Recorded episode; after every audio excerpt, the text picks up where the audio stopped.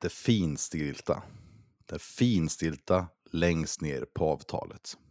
Jag menar, vem skulle vilja mig något ont så att jag måste läsa det där finstilta? Vad är egentligen konsekvenserna av att inte läsa det där finstilta? Ja, det kan vara så att man till exempel blir av med allt man äger. Det kan också vara så att man råkar få betalt för att bygga en omväg. Vilket också kan göra som så att du har en järnvägsräls som aldrig går rakt fram. Är det verkligen en omväg då när man får bra betalt? Eller är det bara effektivitet i kapitalismens kärna? Idag så är det 18 topp, The Old Prince, med mig och Fabian. Tunga brädspelspodden. En samtalspodd mellan vänner om tunga, djupa brädspel. Välkommen Fabian! Vi är tillbaka. Det var skitlänge sedan. Var det ny nyårsafton du var här senast eller? Ja, det var väl det. det är, jag har retat, det är, repat mig sedan dess. Det är, det är ju ett av våra mest, eh, bästa avsnitt någonsin. Och eh, vi ska säga det igen, Martin eh, skulle gärna vara med idag. Han har varit sugen på att spela in podd länge. Det är inte som så att Martin har blivit kickad, även om ryktet går på internet. Men, det är bara så att han inte är med Nej, längre. han är inte med längre. Senaste ryktet, ryktet säger att Martin fick en, eh, inte körde tågspel, utan hade en, en sån här, vad heter det, en droska, gammal trädroska med en stor stock i, som trillade ner i huvudet på honom. Och han dog inte, det hade faktiskt varit lite åkund om jag berättar det nu. Men, men han, han, han har fått en, en hjärnskakning så han kan inte prata och inte tänka på sådana saker. Jag tror han repar sig, han, brukar, han är ju rätt eh, av segt virke så han kommer nog klara sig. Pojken är, ung. Pojken är ung ja. På tal om det Fabian, du var ju hemma och firade våran födelsedag i helgen. Mm. På Tung... Ja, tack. På Tungkon 2. Kan du inte berätta lite vad, vad är Tungkon? Varför ska man åka dit? Och kommer det bli någon mer gång? Och vad, vad, vad gjorde vi egentligen? Ja, efter denna succé så är det svårt att se att det inte kommer att ske igen. Ja. Var det så? Men det är ju ett... Ja, det tycker jag. Det var ett härligt event. Det var um, fyllt av um, både gemenskap och väldigt mycket roliga spel. Det var ju liksom man är ju väldigt imponerad att du har vänner som lagar mat åt dig liksom hela fredagskvällen i princip. Medan vi satt och spelade bland annat då just Old Prince och eh, 1841 och eh, Dutch Intercity spelar vi. Ja, och folk spelar massa annat också. Och sen fortsätter det på lördagen med ännu mer spel, ännu mer matlagning och en, eh, en rätt god final ändå med två omgångar bland The Clock Tower mitt i natten. ja, det är en brutal helg alltså. Och det var ju innan vi, när jag gick och la mig på lördag natten. Jag bara så här, jag vet fan inte om jag orkar en dag till alltså. Fan, ja. vi, det var, jag menar, var ju ändå 8-10 personer som sov över hos mig. Och, det skulle sägas, vi, första tungan hade vi hemma hos Martin, det var lite större. Nu var jag hemma hos mig och det var ju ungefär samma person som vågade sig till mig. Och nästa gång funderar vi på, det var ju liksom någon slags hybridtillställning skrev jag ju, med, mellan skilsmässofest och eh, Eh, födelsedagsfest och eh, ja, tungkon. Men jag tror det blev tungkon för att det blev så det blev. Fest var det. Fest var det. Men jag märkte det, ja. gud vad mycket sprit hade kvar, så det var ju bra det. Så att vi, det är ändå mm. svårt att spela så mycket spel samtidigt som man dricker för mycket sprit. Folk hade kunnat må ännu sämre. Ja, men jag tänkte faktiskt skulle passa på, för jag och Martin hade en debrief här nu, där vi sa att nästa gång så blir det tungkon. Mm. Och nästa år den gången, och Martin bara, men hur ska vi göra då? Han blir så där jävla nervös ut, för han vill gärna att alla ska med, det ska vara trevligt, alla ska liksom sådär, alla ska bli inkluderade, därför är det så billigt, det kostar liksom 500 spänn att vara med en helg och få all mat och sprit och allting. Det är ju liksom, det är, det är, det är bara, ja, förutom för dem som typ du som var tvungen att hjälpa till i köket och arbeta för men, men nästa gång om man är intresserad så kommer det vara lite lättare för folk som inte känner oss. Mm. att vara med. Eh, och det kommer också vara svårare, för jag, jag sa till Martin, bara, nästa gång då bokar vi en resa som vi vill åka på. Och sen kommer de personer som har samma spesse som oss också vilja följa med. Ingen annan. Så vi har kollat typ på Prag, stor jäkla hus i Prag, i något sånt här hipsterdistrikt. Låter härligt. Jepp. Ingen matlagning, går man ut, krökar, eh, käkar mat, spelar massa spel, eh, får upptäcka lite konst och kultur och livet i Prag och sådär. Och så slipper man Praga kaputräkning hoppas jag. Fan, det spelet är så dåligt alltså. Men på tal om... Vad har vi mer på Prag? Golem. Vi bara in, inte spelar något spel som utspelar sig i Ja, men Prag. Golem ändå, det är ändå ett solitt spel alltså. Det är ändå bra. Ah, ja, visst. Men, men om vi säger så här då, om vi ändå är inne på spel. Kan inte du berätta, du, är ändå, du kom ju ändå till, till nyårsspecialen förra året och berätta om hur många Mm. spel var du hade spelat förra året. Det var väl eh, 95 eller någonting sånt där. Tror jag. Ny, nya spel. Nya spel. Då räknar jag inte med gamla spel. Det var nya titlar för mig så att säga. Nu säger Edvin att någon av oss plingar. Vad- Ah, du, det kan nog vara mina ljud på, typ, kan det vara på, ah, pling pling. Sådär, nu provar stänga av det. 95 spel förra året. Hur ser räkningen ut för i år? Eh, nu är det 64 nya, bara två månader kvar. Så jag tycker jag ligger bättre till i år än förra året. Bättre till som i att du kommer spela fler spel eller bättre till som att du har sansat det och bara börjat spela bra spel? Ja, precis. Färre nya spel. Det... Du, du menar att det kändes lite sjukligt och maniskt att ha spelat Ja. 95 nya spel? Lite, lite sjukt, lite sjukt, lite sjukt. Faktiskt. Ändå... Men eh, ja, hur många av förra årets spel har du spelat i år? Nej, fast det får vi ta på nyårsspecialen. Du får ju komma tillbaka på det. Ja. Det, kan vi inte, det kan vi inte ta nu. Men jag tänkte så här, senaste tiden då? För jag har ändå spelat en hel del spel. Och vad, vad har du spelat för något som är bra?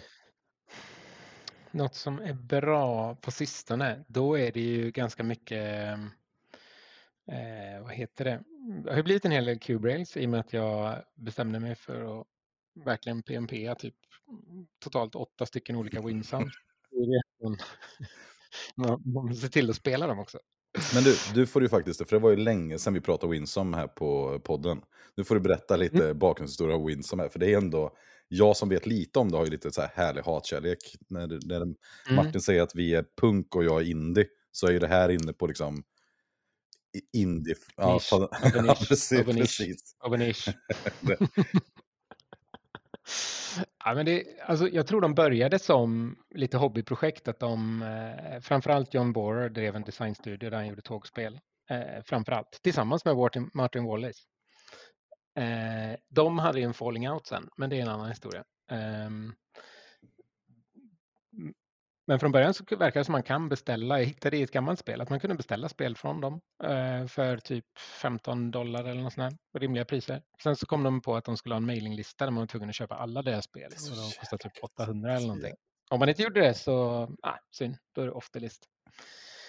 Ehm, men de hade liksom som affärsmodell inte att sälja spelen utan att få dem licensierade. Till exempel som Queen Games har gjort med Chicago Express, German Ra- Railways och eh, Locomotive Works. Och sen senare då Capstone. Men även eh, Rio Grande Games med Gulf Mobile in Ohio och eh, Iberian Rails eller Railways. Någon av dem. De heter typ samma sak. De ser upp typ lika fula ut som Winsoms original som verkligen är bare bones. Det syftar ingenting på design, det är bara funktion. Det är väldigt eh, det är därför de lämpar sig så bra för att göra en redraw på. Du menar att det är liksom att taket, att liksom, det, är, det är svårt att göra sämre rent designmässigt. Ja. Mm. Men det är också väldigt svårt att göra det mer funktionellt rent designmässigt. Jag vet inte, brukar de verkligen vara så himla bra funktionella? För jag tycker även de brukar vara lite halvtaskig funktionalitet på de här original. Ja, kanske. Men de är ju tydliga färger. Tydliga det är ju rätt. färgsättningen är väldigt tydlig. Ja. Men Mm. eh, okej, men vad skulle du säga om liksom, eh, Cubase nu? För det känns väl som att det börjar slå i världen, Cubase? Eller, eller är det Ja, våran filterbubbla? det är filterbubblan tror jag. Men det som är härligt är att de är väldigt incitamentdrivna, väldigt interaktiva och väldigt enkla regler. De flesta har ju regler på 2, 4 eller något sånt där, hur många, vilket är sjukt. hur många Cubase-spel har du spelat? Det är nog 8, 9, 10 något sånt där. Och jag, för jag tänker nämligen på Capstones Iron Rails-serie som jag tänker folk är familjära med. Att med Irish Mm. Gage, heter den Iron Ray? Nej, åh, vad heter de? Irish Gage? Ja, det heter Iron Rails, heter serien ja. Så Irish Gage är första och så Iberian Gage är väl an... Nej, Ja, tredje. försök- Och Ride, Ride Rails är jag tänker på. Mm. Fruktansvärda spelet. Mm. Men hur skulle, om liksom någon av folk har varit inne här och tastat lite och testat de här, kanske till och med provat alfan på Chicago Express på BGA. Eh, vad, Mm. vad liksom har man framför sig om man testar de här andra spelen? Det är ju att de är eh, lite märkligare, men kanske lite enklare och kräver några genomspelningar när man förstår hur man ska vinna, hur man ska liksom ta sig fram, hur man ska göra rätt helt enkelt. Men det är ju ingenting om man inte gillar interaktiva spel. Eh, Hur tycker du liksom kvaliteten håller sig mellan de här... Eh, mellan, mellan, eh, nu får vi faktiskt hjälp Irish Gage, Trader eh, Beer Gage. Hur tycker du kvaliteten på de Winsome-titlarna håller sig mot eh, de reprintsen av från på Capstone? Capstones reprints är jättefina. De, är- och funktionella. Men spelmekaniskt? Ah, jag funderar på att sälja Rider Rails. Jag inte, jag har sålt Irish Gage och inte köpt Iberian Gage. Så det är väl någonstans där jag är. Ja, men, hur- Men de, ja, men hur mycket bättre PNP-spelen då? Liksom? Är de, som, eller de här Winsome-titlarna, är de, om vi säger att de där är sexor till exempel i snitt, är Mm. det åtta eller nio de andra? Eller vad? ja, det tycker jag nog. West Riding Roosted som vi spelade hemma hos mig, det tycker jag typ är 9 eller 10. Det tycker jag är svinbra verkligen. spel alltså. Men det är ju inget publik, alltså det, det skulle inte spela med vem som helst, det funkar inte. Det är lite, det är tre timmar, det är ganska tungt, man blir trött i huvudet av konstanta auktioner. Va? Vadå konstant trött? Vad menar du? Ett, ett spel som består av 35 aktioner på rad? Det är väl inte... Ja. Det är väl bara... Strasbourg! ja, men, men för, jag menar, det, nu kommer jag inte ihåg, vad sa du det för? West, West bla bla bla. West Riding Ja, Roosted. för hur många aktioner var det när vi spelade på fem? Det var 18 aktioner något i den stilen. Eller det var, Ja, minst gånger antalet spelare. Var det typ, kan man tänka, Nej, det var, Fem. nej, men det var nog någonstans 40. För att vi är fem spelare och varje kan göra en aktion per eh, runda. och så var det typ nio runder eller något. Något sånt. Så 45 aktioner i rad. Ja, det var ju det jag spelade. Mm. Den som, den som vann Ja. en aktion fick en aktie. Och sen så Ja. lägger en track med det här bolaget. Och så var nästa person spela. Så det, Ja. brutalt spel alltså. Och just också att det var lite speciella merge-regler. Hur man kunde manipulera aktiemarknaden och sånt. Och det var... Mm. Man får jag tycker det borde finnas två eh, genrer egentligen Cubase. Det borde vara standard Cubase och sen borde det vara Cubase Mm. plus. Mm. Där man har appat, eller liksom gjort det lite mer komplicerat och lite längre i spelet. Precis. Ja, Samma som PRR, Mm, vad heter något- det? Vad mm, vad heter det? Ja. Eh, Pennsylvania Railroad. Samma som South African Ja, Railroad det. fast på en större karta. Typ. För de är en och en halv timme de spelen snarare, en och en halv till två timmar och Ja. lite, lite mer. Och jag älskar, alltså det är nog kanske min nya favoritgenre. Det, är för- då kombinerar jag lite worker placement och auktioner. Vilket är riktigt nice. Worker placement, du vet. My heart. Så jävla taskigt att det finns så mycket hat mot worker placement-mekaniken. alltså. Jag blir fan upprörd när jag läser på internet ibland. Alltså. Mm. Nej, just eh, i Cubase-världen, det som folk väntar på är ju South African Railroads som sägs ska printas av Capstone. Och även det som hände typ för två veckor sedan var att John Borer tog bort filerna för eh, German Railways från, eh, ja, det fann, de fanns publikt, så tog han bort dem för att de han har sålt rättigheterna till någon. Så någon kommer att publicera det spelet. Mm. Vilket är ett väldigt bra ingångsspel om man är sugen på genren. Men det För German om Railways två har inte jag spelat. Vad, hur är det? Det finns bara tre aktier i varje bolag. Varje bolag har en specialegenskap. Någon kan bygga längre, någon kan bygga kortare, lite sånt där. Och sen så lägger du, beroende på hur du ligger, ligger du sist så får du tre stycken, om vi är tre då, får du tre kuber i påsen. Är du tvåa får du två, är du etta får du ett. Sen så lägger man dem i påsen så drar man tre stycken. Så om du är etta så har du minst chans att få göra någonting. Är du tvåa har du lite större, är du trea har du störst chans. Jag har en påse att dra ur. Ja, jag känner mig skeptisk direkt. ja, men jag har spelat det en gång, jag tyckte det var nice. Det är nog säkert bra. Det är nog säkert bra, bättre än många Mm. andra spel. Men ett, ett spel som jag har Ja. spelat med dig några gånger nu, det är ju Strasbourg. Ja, Och det är inte så ofta jag får säga positiva saker om Stefan, Stefan Fälts spel här på podden. Så jag tänker att det är en designer som många uppskattar. Och jag tror att du Verkligen. hade hört på någon podcast som pratade om att det var en hidden gem. Japp. Och eh, nu har vi spelat det och det var ju väldigt intressant. Alltså, det är 35 aktioner, Mm. jag spelade bara de här aktionerna. Man får en Ja. lek med sina typ valuta i till aktionerna. Man får, det är så himla kul tycker jag att, det, att du har leken, du får dra hur många kort du vill inför varje runda. Spelet består av fem runder. Sen, sen så får du lägga upp i budhögar. De budhögarna är låsta för rundan. Så har du lagt fem budhögar så måste du vara med i fem aktioner. Och det är, liksom, åh, det är så brutalt. Att man, och sen har man massa hemliga endgame-mål. Och, Och scoringkorten är ju på nivån, eh, du ska placera tre gubbar till exempel i området där de säljer, säljer eh, skor eller området där de säljer kött. Och gissa hur många aktioner det finns i spelet där, de, där man får placera där. Det finns Ja, tre. det är ju- Så missar du en, då, då är det kört. då är det kört. Och då är det bara inte det att du inte klarar uppdraget, utan du får ju minuspoäng också. Och det är, det är saftigt alltså. Det är Ja, brutalt spel alltså. Verkligen eh, köttigt och verkligen, att du verkligen måste planera från första början i spelet. Okej, de här typ 10 aktionerna vill jag vara med och komma ett eller två eller tre i alla fall. mm. Och vilket, Och man fattar också hur bra det är att komma två eller tre. Ja. Du behöver inte vinna, du får, bara gör, du får bara placera ut den här gubben du måste ha. Eller du får bara den där äh, varan man vill ha för att kunna sälja sen för att få ja, man cash. kan säga rent för målen i spelet, alltså de här endgames-målen, så spelar det inte jättestor roll om de kommer ett, två eller tre. Ofta. Nej. Men eh, Oftast. Men det är, så, det är också det som är intressant, att du får lite bättre value att vinna. Så det är verkligen så här, då kanske du kan möjliggöra att du kan sälja lite extra saker. Alltså, eh, men det är briljant alltså, men det är också supersvårt. Ja. Men det är ju ganska snabbt också. Det är ju typ en timme. Eh, lite drygt. 70 minuter kanske. 17 minuter, ja. Men på fem är det ju ändå, det är fem pers, det är mycket som ska tänkas. Ja, kanske lite mer. Det är Mm. Och på fem just där var det ju så bra att alla de här endgame scoring-korten nu är med i spel. Så man vet att de är Ja. dolda, men man vet alla som är ute. Vilket gör att... Eh... Men jag, Ja, jag skulle säga att det är ett femspelarspel. För målen är också anpassade efter det. Du, du, du ska placera två vid till exempel en byggnad. Är du fyra är det jättemycket lättare än om du är fem.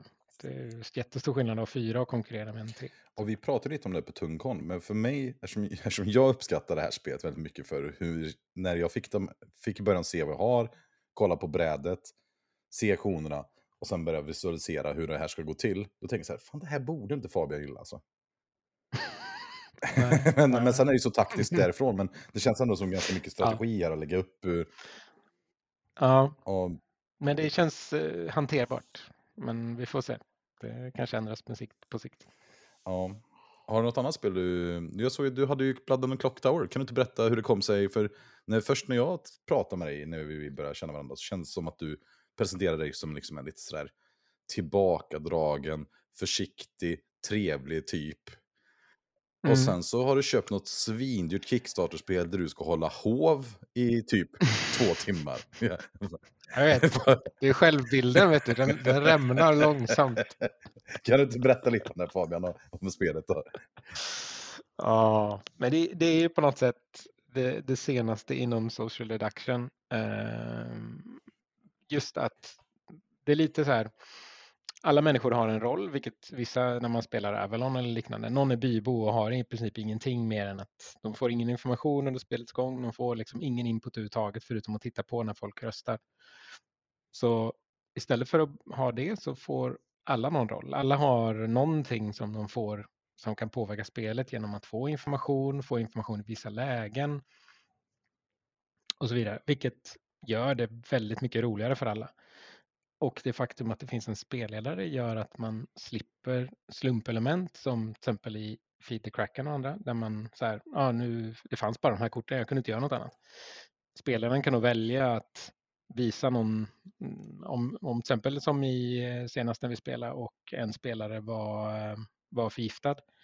När jag ska ge honom information då kan jag ge, välja att visa en eh, sån här token eller jag kan visa jag kan visa att han sitter bredvid två stycken onda eller en ond, även fast han sitter bredvid noll. Bara för att beroende på vad jag tycker verkar vara bäst för spelet, vad som blir mest intressant. Och sådär. Det ställer också högre krav på spelaren såklart. Man kan inte bara eh, lalla runt och, och, och eh, liksom inte bry sig. Det är som en kompis som jag spelar med, han sa att det är jättekul det här att vi spelar Blood and Coke hos dig, men eh, det tar ju en lördag när jag inte kan dricka så mycket. Ju... Va? Jag tyckte det gick utmärkt att dricka mycket när jag spelade. Ja, men det kanske beror på vem man frågar. Jag, jag känner att jag liksom måste hålla mig ganska nykter, annars är jag orolig att jag sabbar grejer, vilket är mardrömmen att man bara, men du visade ju det här, oj, gjorde jag det? Oj, Jo, då." som spelledare kanske man måste vara lite mer skärpt. Men jag tyckte Mm. ju själv att när vi spelade på Tunkon nu, när jag fick låtsas Mm. rösta några gånger med långsam hand. Ju, Den var ju lite jobbig för att ett tag blev man så här bara, nu vet jag inte riktigt hur mycket leeway jag ska ge dig här att du är sen. För det, ah, Det är jävligt roligt alltså. Fy fan vad jobbigt att vara spelledare kände jag då också. ja. Så, nej, nu får det räcka. Du röstade inte. Jag ska säga att Fabian, när man går gör den här omröstningen så går han runt med armen så här. Och vi, alltså, ja, vi spelar ju med några av mina barndomskompisar var ju med. Och det är ganska kul för att Mm. vi brukar ju alltid försöka stressa varandra och psyka varandra lite och sådär. Och sen var det så roligt då att det var en massa nya personer sen några av mina barndomskompisar. Och de vet ju alltid att jag håller på och skojar med lite sån här, liksom, som vi pratade Mm. dark arts när vi pratade någon gång. Just det. Ehm, och då var det så roligt för då, när Fabian var, gick väldigt snabbt med sin hand så att det skulle bli lite drag, vilket var bra. Så, Mm så då låtsades jag vara lite, så här, lite långsam med min arm så jag inte hann, hann rösta. Och jag bara, va? Hur fick jag inte rösta? Så det blev liksom en tumultartad stämning om det räknas inte räknas, den här viktiga omröstningen. Ah. Men det är ju ett svårt spel alltså, jättesvårt. Ja. Det var, det var slump att Erik var, vi fick en fråga i chatten, Jocke frågade om det var slump att Erik var ond i båda partierna. Ja, eh, jag la in dem i påsen och skakade om. Eh, sen blev jag inte jätte, jätteledsen över att han blev det i båda partierna, men det var slump. Varför då? Ja, det är kul. Samtidigt kanske det hade varit roligare egentligen att få se dig som god andra gången och ond första Mm. eller något sånt där. Men det är Jag tror att det hade varit bättre, lättare för dig att vara ond första gången och god andra. ja, För annars så är det väldigt lätt för folk att säga du agerade lite så här sist och då var du god, nu agerar du på ett helt annat sätt. Du är nog Ja. ond. men det gick väldigt bra för oss andra gången nu, var ond. Mm. Men det var så jävla kul. Det första som hände i den här spelomgången var ju att min eh, kompis från Göteborg, Jauk, som är ett sånt jävla Secret Hitler, Avalon, eh, han är ju Ja, han var han, är, han är pro alltså. Och han Mm. bara hörde reglerna. Så första han gör är att ställa sig bara, okej jag behöver tre, två personer, tre personer ner till källaren. Går, gick de iväg, började pakta ihop sig, någon jävla rövarhistoria. Och, bara, Jajamän. alltså, han, grejen är att han är så jävla kraftfull när han spelar det här på något sätt. Han Mm. liksom får med sig så mycket folk. Han, det är verkligen sådär superkarisma. Och, Ja. Ja, det var, honom hade jag velat se ond. Det hade varit kul att Nej, jämföra. jag har spelat när han är ond. Alltså, jag och Andreas var någon goda när han var ond och alla bara följde honom som idioter. Det var verkligen sjukt det frustrerande. kan jag tänka mig. Sjukt frustrerande alltså. Det var, Ja. och försöka liksom peta i, ja, ja, nej men ett jävla kul spel ändå. Så att man kan spela ett spel 13 Mm. personer tycker jag är ju fantastiskt. Ja, det är häftigt faktiskt. Och det tog eh, en och en halv timme tror jag andra gången. Mellan, eh, vi började prick 12 nämligen. För jag kommer ihåg jag sa det att nu är det midnatt och eh, bla bla bla. Och vi var färdiga halv två. Så jag tycker det var häftigt. Sen förstår jag att det är spel som inte är något för alla, men jag, jag, samtidigt, Nej. samtidigt är det ju också så här att det som hände efter spelomgång ett, det var ju inte det som hände vid alla andra spel, att man plockar ihop spelet och sen ska man spela något nytt. Utan det, det som Nej. hände var att alla sitter kvar och pratar om spelet typ i en timme. Ja. och, Precis, verkligen. Ja, så har det varit när jag har spelat med folk på jobbet också. Att det har blivit samtalsämne. Liksom, att, ja, men om, om, om den som är drunk gör så här och sen så är den så. Ja. Ah, Okej. Mm, ja. det är jättekul. Ja. och det är ju hopplöst svårt första gången. Och jag märkte också det som är så svårt i spelet. Ja. Är också inte bara att du kanske måste så här, våga vara social och ta plats och alla såna här grejer. Men, och det var väldigt bra mekanik här, att när man, blir, man, man får ju rösta på någon som man vill ha hängd. Då får bara Mm. den personen försvara sig, vilket tvingar någon att prata. Vilket är jättesmart mekanik, tycker jag, tycker jag då, som är Mm. lärare som brukar tvinga folk att prata vardagsbasis. Men, Det snabbar upp. ja, det snabbar upp. Att det inte tar en evighet. Men det som är så svårt i de här spelen är att man behöver vara så kvick. Alltså det Ja. går inte att sitta och AP i ett sånt här spel. Du är ju sänkt Nej. direkt. Det är så här, varför röstade du på han innan? Eh, eh, eh, nö. Det där var för Ja, långt. och sen har du en Jauk i rummet och han bara “Kolla du nu!” bla, bla, bla, bla, bla. Och Björn också bara bla, bla, bla, bla, hur snabba Ja. som helst. Liksom. Jag så snabb inte jag. Och då är ändå jag helt okej Nej. på att vara kvick. Liksom. Det är väldigt krävande alltså. Det är på ett väldigt kul sätt ändå. Det, Mm. nej, just det. Kan varmt rekommendera. Du, kommer du ta med dig till tyskhelg eller hur orkar du med det? Ja, men jag funderar på om det är rätt klientel bara. Men jag Va- Vadå rätt? Du, ja, okej. får väl Ja, snacka bara om det i slacken. Erik kanske. ska dit, Björn ska dit, Jocke ska dit. nej, det är, nog, det är nog helt fel personer som åker dit. Ja, vi får kanske flytta ut i det där fruktrummet de har bredvid så att man inte stör Ja, alla du som menar så, ja. och puttar kuber. Ja, det, det pud, ja, kubputtarna är ju inte... Det är inte jättelätt att spela dem i samma rum kanske. Nej. Men, så, men jag tycker alla bra, bra spelevent i Sverige borde väl ha tungkonstkoncept med att efter en viss tid på en lördag, då är det sociala brädspel som gäller. Ja, men det är nice. Det är, det är lättare att göra det än att tänka sönder huvudet. Faktiskt. Ja, det, det, sen var det ju svettigt också. Men, eh, Mm. nej men får jag, eh, vad, hur, vad var det bästa spelet du spelade på Tungkon? Eller roligaste Ehm, spelupplevelsen? Roligaste spelupplevelsen. Det var jättekul att spela Strasbourg på fem faktiskt. Det var svinkul verkligen. Eh, Men det var också kul att spela Dutch Intercity på fredag Ja, det var den enda gången inte vi spelade Och ihop. 1841. Fan. Och 1841. Det är mycket som är roligt. Vad tyckte du själv? Ja, men grejen är att jag hade nästan glömt bort fredag när jag började tänka tillbaka, för det var så himla intensivt allting. Jag höll ju på att berätta det här om Mm. lördagen när jag kände att jag orkar inte en dag till. Sen gick vi upp, fick en kopp kaffe och sen såg jag dig. Jag bara, fy fan vad sugen jag blir på att spela spel igen alltså.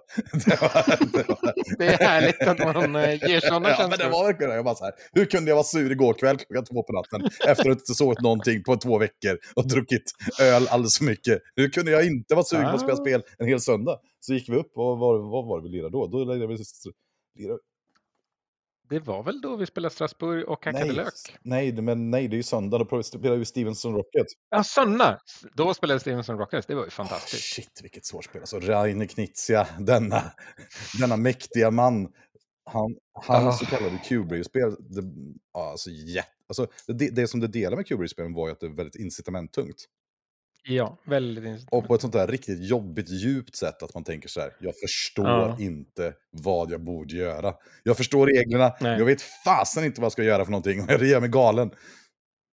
Men nu när jag tänker efter så det är inte så knepigt ändå. Alltså den här stationsgrejen känns ju lite som eh, bönderna i Carcassonne till exempel. Ja, det, det, här, det här Fabian, det här är du i ett nötskal. Jag har också gått och tänkt lite här till nästa gång. Fabian vann ju nämligen på det här. Och Ah, hur är det? Ja. jag, jag blockade ju Edvin från 8000 spänn genom att ge bort lite Mm. aktier. Ja, då, och att jag fick 4000 själv. Mm. Men då, jag tror han hade tagit annars. kanske, kanske. Kanske. Nej, men det var men jätte, det var länge sedan jag spelade spel jag upplevde bara så här, oj, det här är så svårt. Mm. Väldigt. Jättesvårt. Och jag vet, Det är som eh, ett annat spel, eh, Sista paradiset som du har bakom dig där. Det är också jättesvårt. du hade det Erik, jag hade kommit dela två med Fabbe. Ja, för det hände ingenting efter. Den, Precis. Om jag hade spelat samma som när jag vann, då kanske jag hade vunnit. Men eh, kanske inte hade gjort. Nej, men det bästa var ju att sista draget i hela spelet var ju sådär. Om någon hade kommit på att de går med blått bolag ett steg så förlorar jag 9000. Mm. Det var ju liksom sådär. Jag, bara, jag hade inte ens gjort något mot det heller. Det var det som var... Ja. Men om man någon gång funderar på om man är intresserad av ett eh, incitamentspel och eh, kanske känner det, ja, av någon anledning att man inte vågar köpa ett Q-spel. Mm. För det, är lite, det här var lite mer så här station, man får lite så här kanske, det, nya, det finns en ny Kickstarter-version som ser lite mysig ut Mm. kanske. Jag köpte den idag. Varför köper du inte originalet för? Ja, men det, det har tracks istället för pengar. Det känns som det har rationaliserat bort lite eh, fipplighet. Liksom. Jag tror det är bra. Eh, du, du kan, kan inte du berätta vad du gillar med spelet medan jag lägger upp en bild här på Stevenson Rocket på, i vår stream? Mm, Det som är kul med det är att man bygger med olika rälslinjer och så får man en aktie i den, i den linjen. Ehm, det som störde mig när jag spelade för länge sedan var att om jag bygger med gult och Erik har en aktie i gult, då kan han säga jag vill inte gå norrut, jag vill gå eh, nordost istället. Så bjuder han en, en aktie för det. Då måste jag betala en aktie för att få, ehm, få bygga åt det hållet jag vill. Eller jag måste bjuda över honom helt enkelt. Så det är inlagt lite auktioner där. Du menar, du störde dig på det här innan alltså? Ja, för jag tyckte det kändes irrationellt att varför, varför, det kostar inte en aktie att bygga någonstans. Det är helt eh, orealistiskt. Ja, jag fattar. Liksom, Det är tematiskt Ja, fel. jag- liksom. jag- Det är inte så aktier funkar. Nej, det, det gör det. De är, så jag tror man ska tänka dem som något annat, typ någon, jag vet inte, build permit eller build, jag vet inte, någonting. Det är inte riktigt aktier. Du får inte utdelning om du har fler aktier. Det, det är inga utdelningar i spelet överhuvudtaget. Så. det, det är något annat helt enkelt. Men, eh, ja, men det är kul. Det, man måste hela tiden tänka på vad gör folk innan mig och man måste ploppa ut sina stationer, se till att folk vill köra in i dem eller så kör man sin egen linje, pumpar den full med stationer och sen kopplar upp den till eh, huvudlinjen så att säga. Om man får. Ja, och det, jag håller med. Det är klart att det är något sätt skillnad på liksom aktier. Och det, är, alltså det är ett knitsiga spel, de är alltid lite knepiga. Det är Mm. inte Knitsias bästa tematiska spel direkt. Nej, men du säger den nya då, då har du istället för att hålla på med de där tokensarna för olika varor så har du eh, nio stycken tracks. Och istället för att ha eh, de här pengarna, papperspengarna som är helt meningslösa så har du bara en track där du går upp. Helt meningslösa. Du fick en hel bunt grejer framför dig. Jo, men när det egentligen bara är poäng och du inte kan spendera dem. Alltså jag, jag tycker att Edvin sa det väldigt bra. När vi dukade upp och sa han, så han hade ju spelat spelet och han tyckte det var intressant och bra. Mm. Spelat det några gånger lät som. Ja. Och sen så när vi la upp det, han bara, jag tror inte jag har spelat det här spelet. Alltså. Nej, jag känner inte igen det. Man gillar att köpa 90-talsversionerna, vad kan man säga liksom? Mm, jo, i normala fall gör jag också det, men eh, det, det blev inte är alltså, så. det är otroligt 90 i färgskalan det originalspelet om man tittar på den. Mm, Det, är liksom, ja, det det går mellan sån här pastellfärg in i beige, grå och brun. Precis.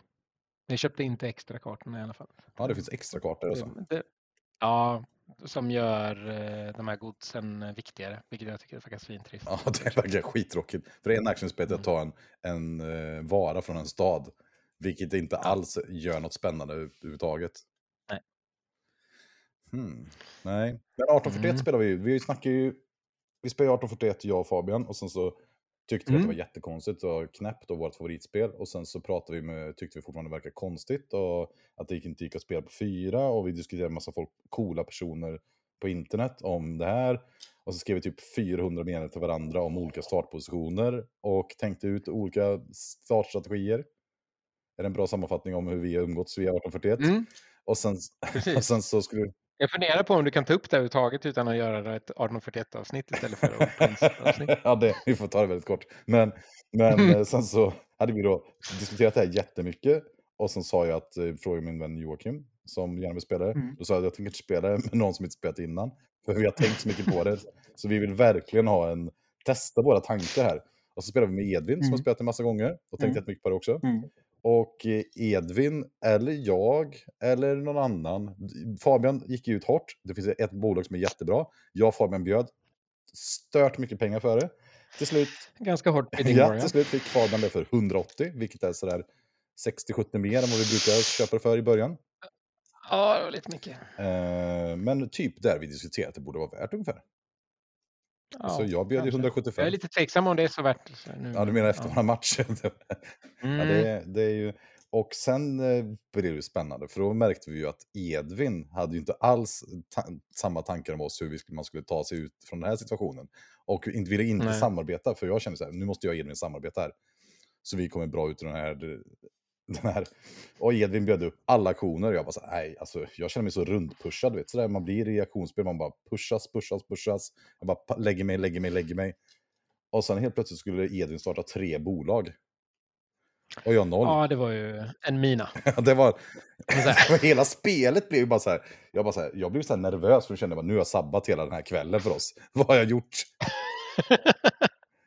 Och sen kände, samtidigt kände jag bara, jag kan, jag kan inte köpa de här om inte jag tror det är bra. Jag kan inte köpa det, för det finns ju, man får köpa ett certifikat som säger att du får starta det här bolaget. Bara du får starta det, de andra kan Mm. köpa aktier, de kan ha mer aktier än dig, men det är du som äger bolaget, det är första fyran köps.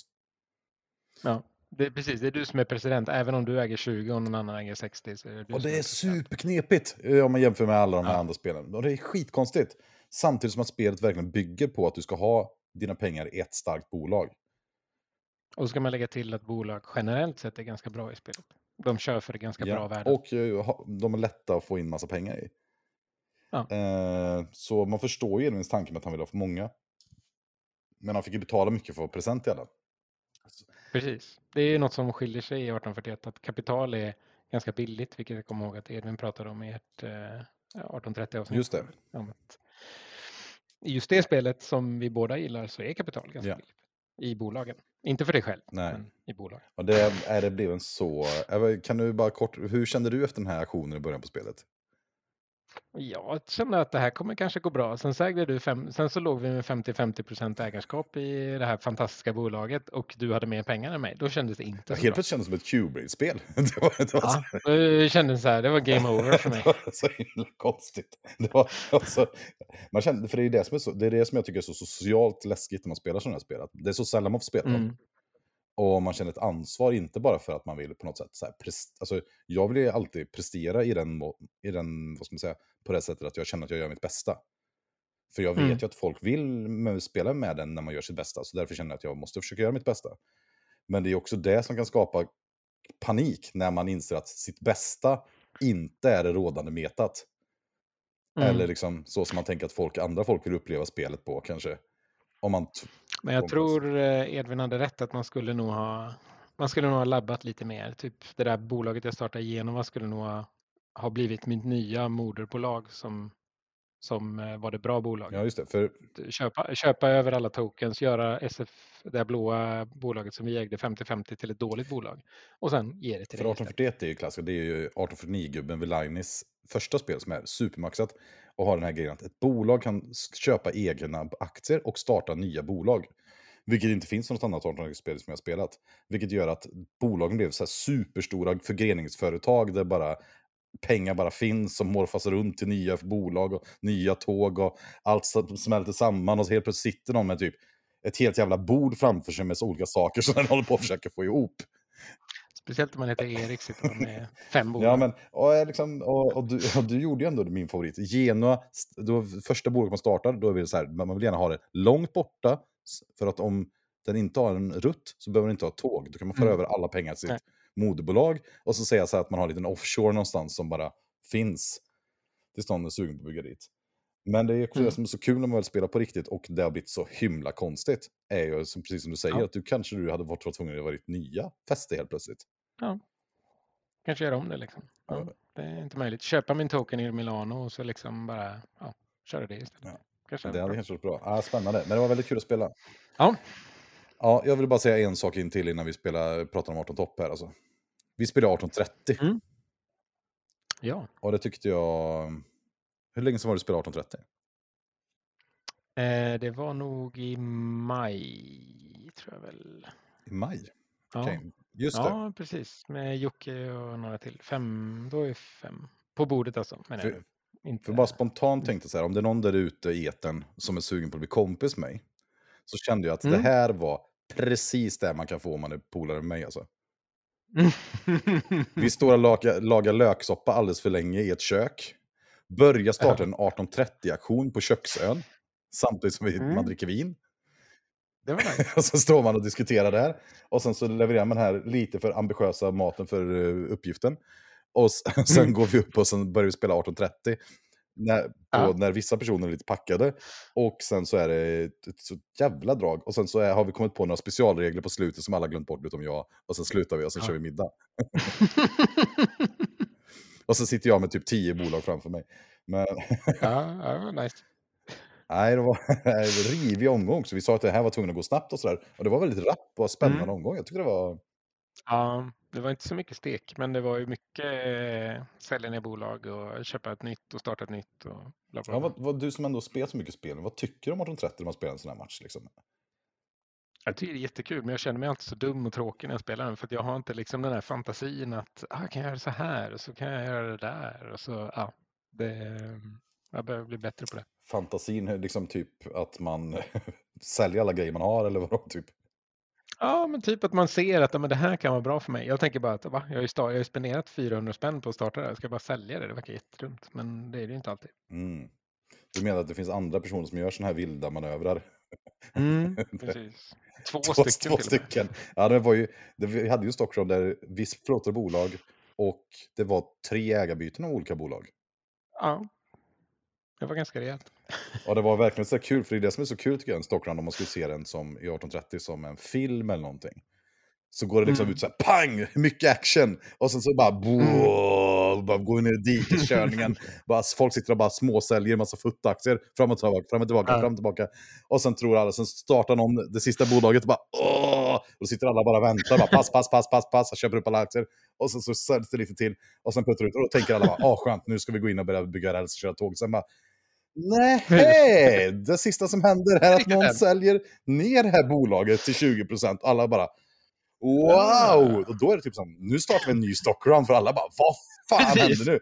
För det är ju sån, för det är det som är så spännande, typ att man blir typ matt. Alltså man blir typ matt, så man orkar typ inte mer. Så, sen är det någon som bara så här, Mm. okej, för det är ju som om alla ni som spelat 18 vet att man äger man 50 procent så har man kontroll.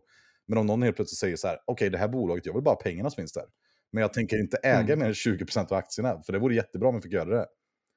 Och då Mm. vet alla det bara, får, man kan inte få äga tusen spänn på två aktier.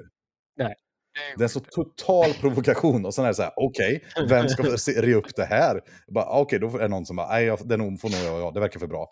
Så måste den börja Mm. sälja och då blir det helt andra incitament och he, liksom allting kastas upp och sen bara brrrr, så kör man igång den här maskinen igen och bara det nej, hade man fått ha det liksom som sån här grafräknare i så här händelseutloppen, det hade varit en fantastiskt vacker sak. Ja, ja, det kan vara bra. Jag såg någon sån stressmätare någon gång spelat 18 i USA.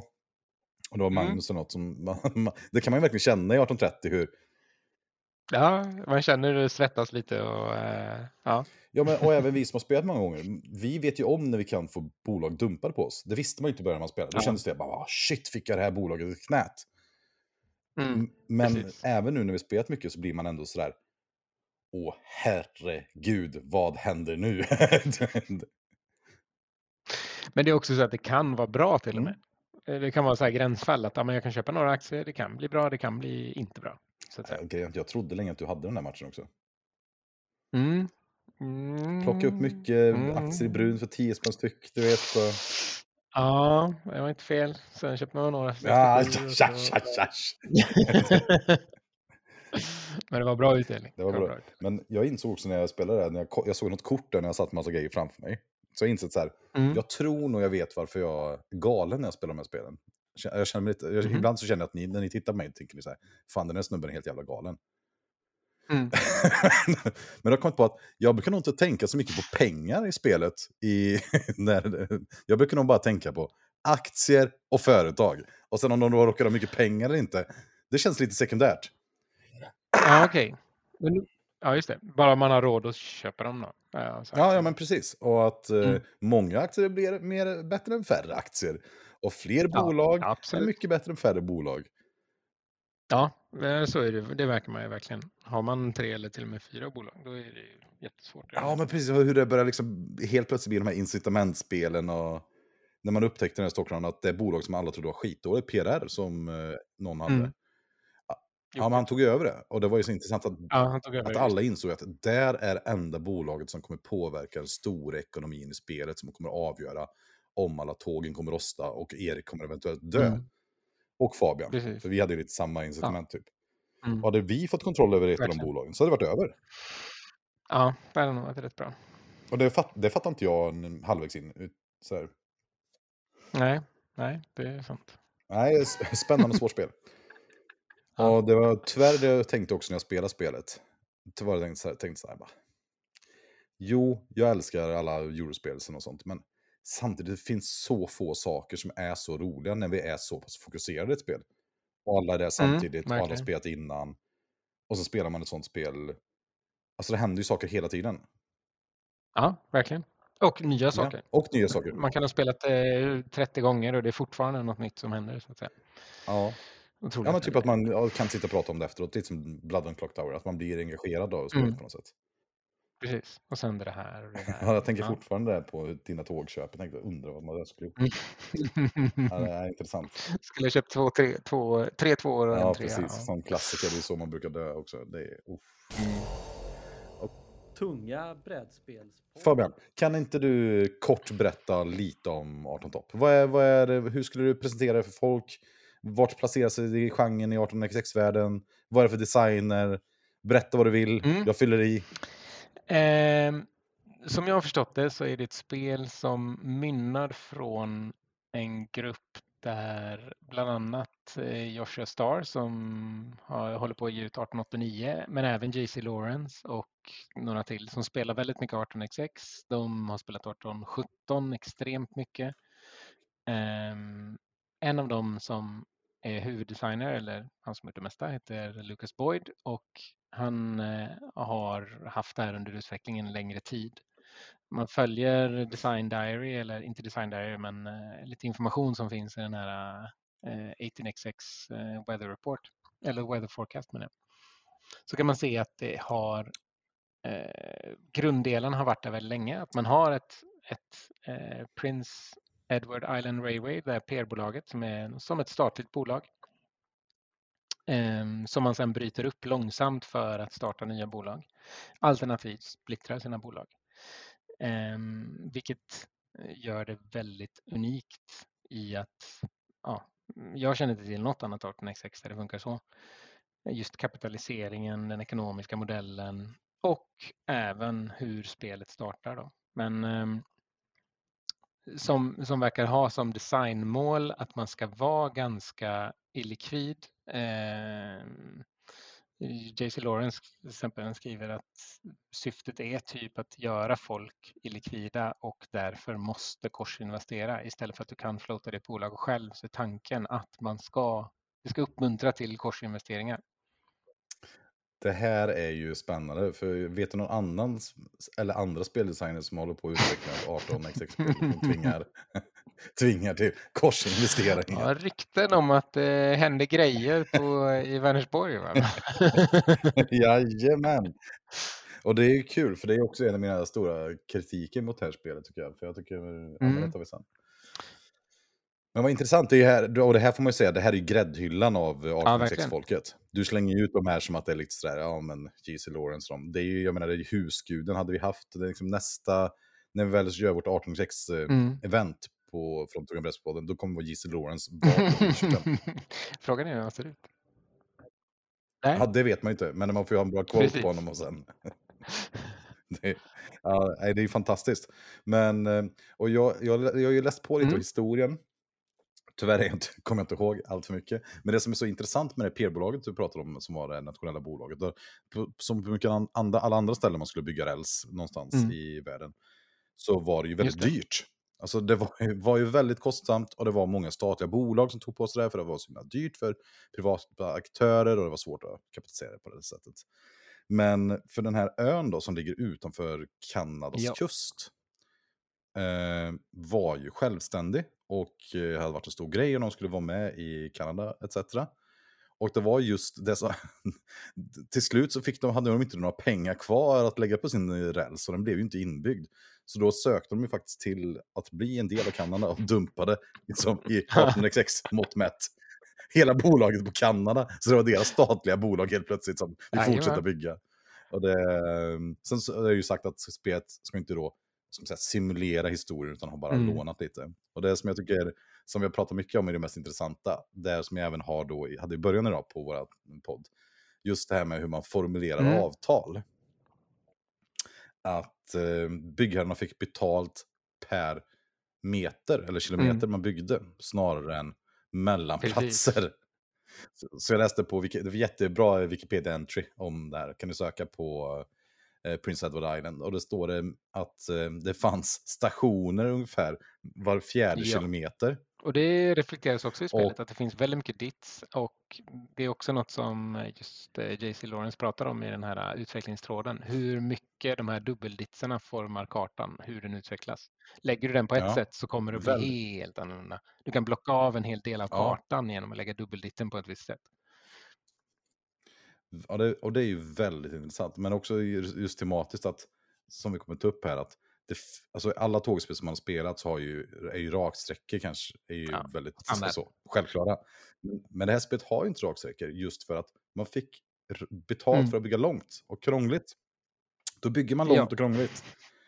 Och det vet ju vi som ekonomiska spel, hur ekonomiska incitamenten skap, äh, finns, äh, skapas skapar ju också en viss kultur och ett visst meta och allting. Och det, ja, det, det är vad det är i det här spelet på något sätt. Ja, det är det. Och om vi skulle beskriva det här spelet mekaniskt då, hur det skiljer sig, för vi har redan varit inne lite på kartan, vi pratar aktiemarknaden. ska vi bara dra igenom allt? För det, det, man ska säga att det här är ett väldigt icke-standardspel. Ja. Det bryter mot väldigt många genretypiska regler. Det, själva strukturen har den fortfarande kvar, att eh, det är mm. tågbolag, man har en, först en del i början som skapar incitament. Vi kallar det för en initial stock round, men det är ofta på något sätt någon slags aktion mellan, så att alla får lite specialeffekter. Sen går man in i stock round, där man köper, kan köpa mm, aktier till bolag som gör att man kan få självkontroll över dem.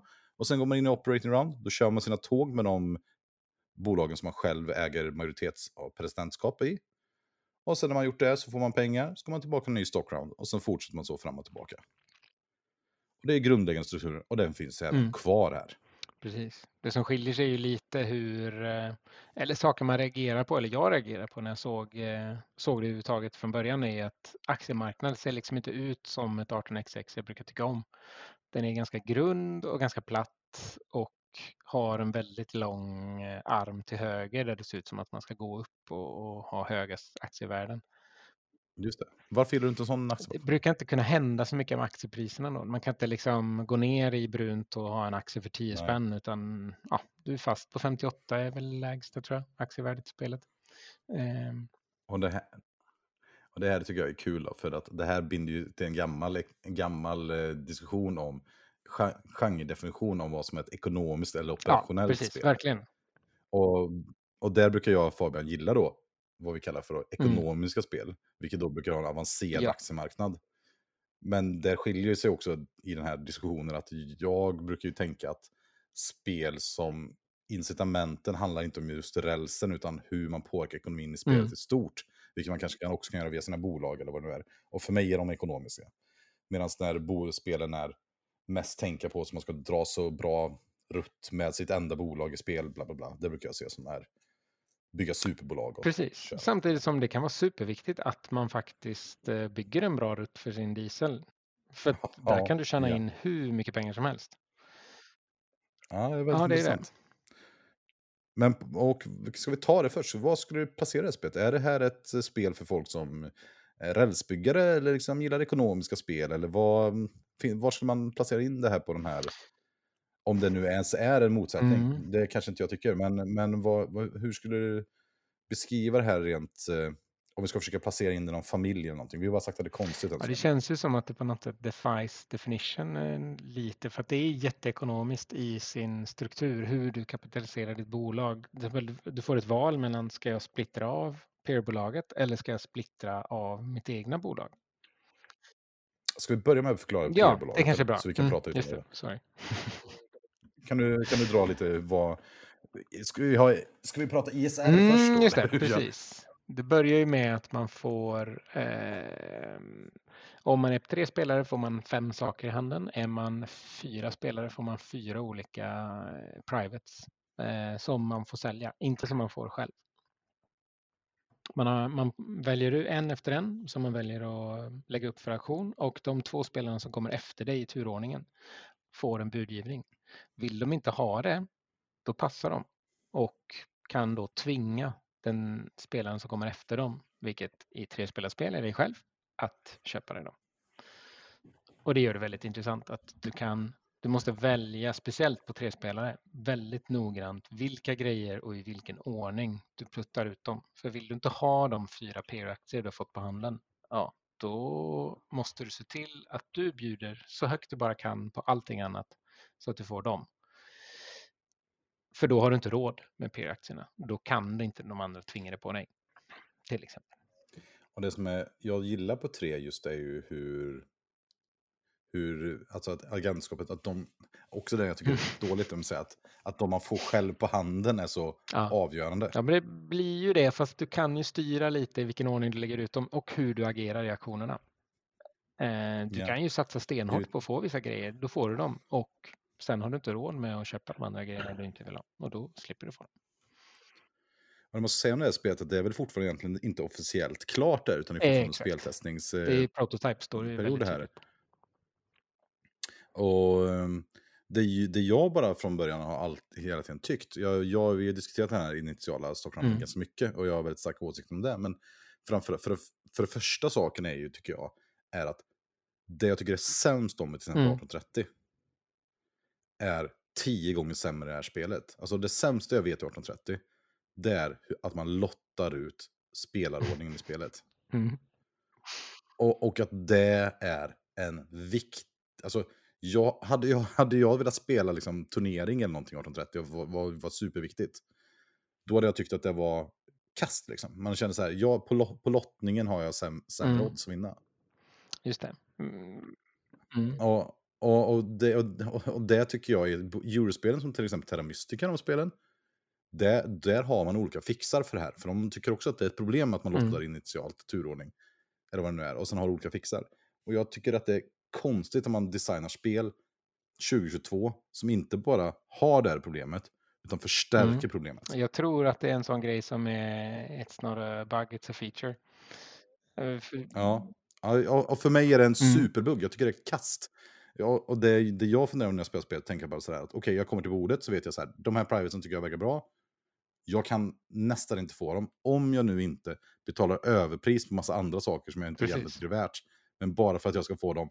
Och det får jag inte då att jag har gjort något val, utan det är bara att jag har lottats till Ja, fast du gör ett val i hur du agerar baserat på den outcomen.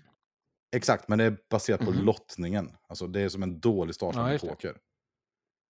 Jag kan få en dålig starthand när jag sätter mig på bordet. Och det tycker jag är jättefrustrerande i ett spel som är... När, för mig är lockelsen i hela spelgenren att det är öppen information, ingen tur och ja, att man försöker tävla från lika Mm. förutsättningar på något sätt.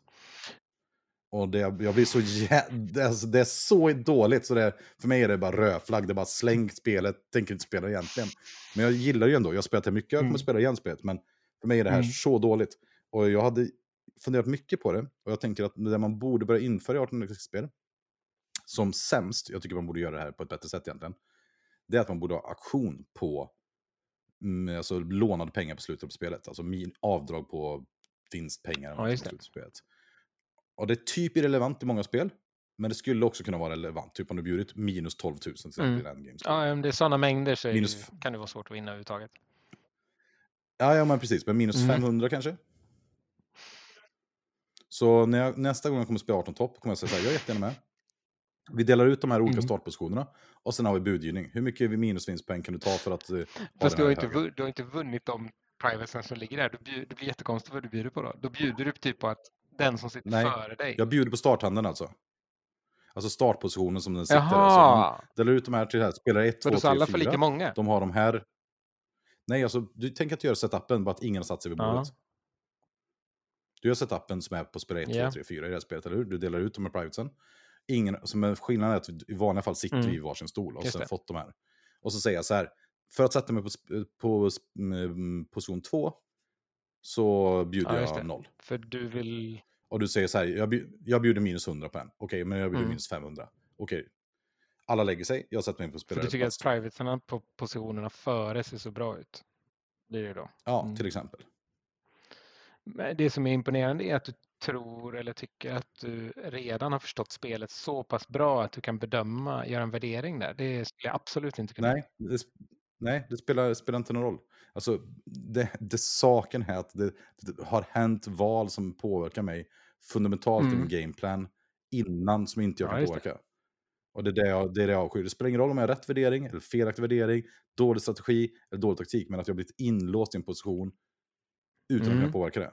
För då kan jag lika gärna spela något jäkla annat spel som är så här, hej, du fick eh, den här landet, Polen, som har de här Ja, kanonerna. Ja, nu ska jag vara Polen och kriga. Just det. Mm. Fast det kan ju också vara intressant att bli intvingad i en situation som du måste lösa. Absolut, men då spelar jag Terra Mystica. Eller Gaia Project. Eller Barrage. Jag spelar inte 1830. Eller, Mm. liksom, eller, det är som, tänk 1830 att alla fick varsitt bolag som ska köra. Ja, just det. Mm, Fast du är inte tvingad till någonting här egentligen. Du, du får ju i så fall ändra din budgivning eller eh, ja, bjuda på ett sätt så att det blir så som du vill ha det.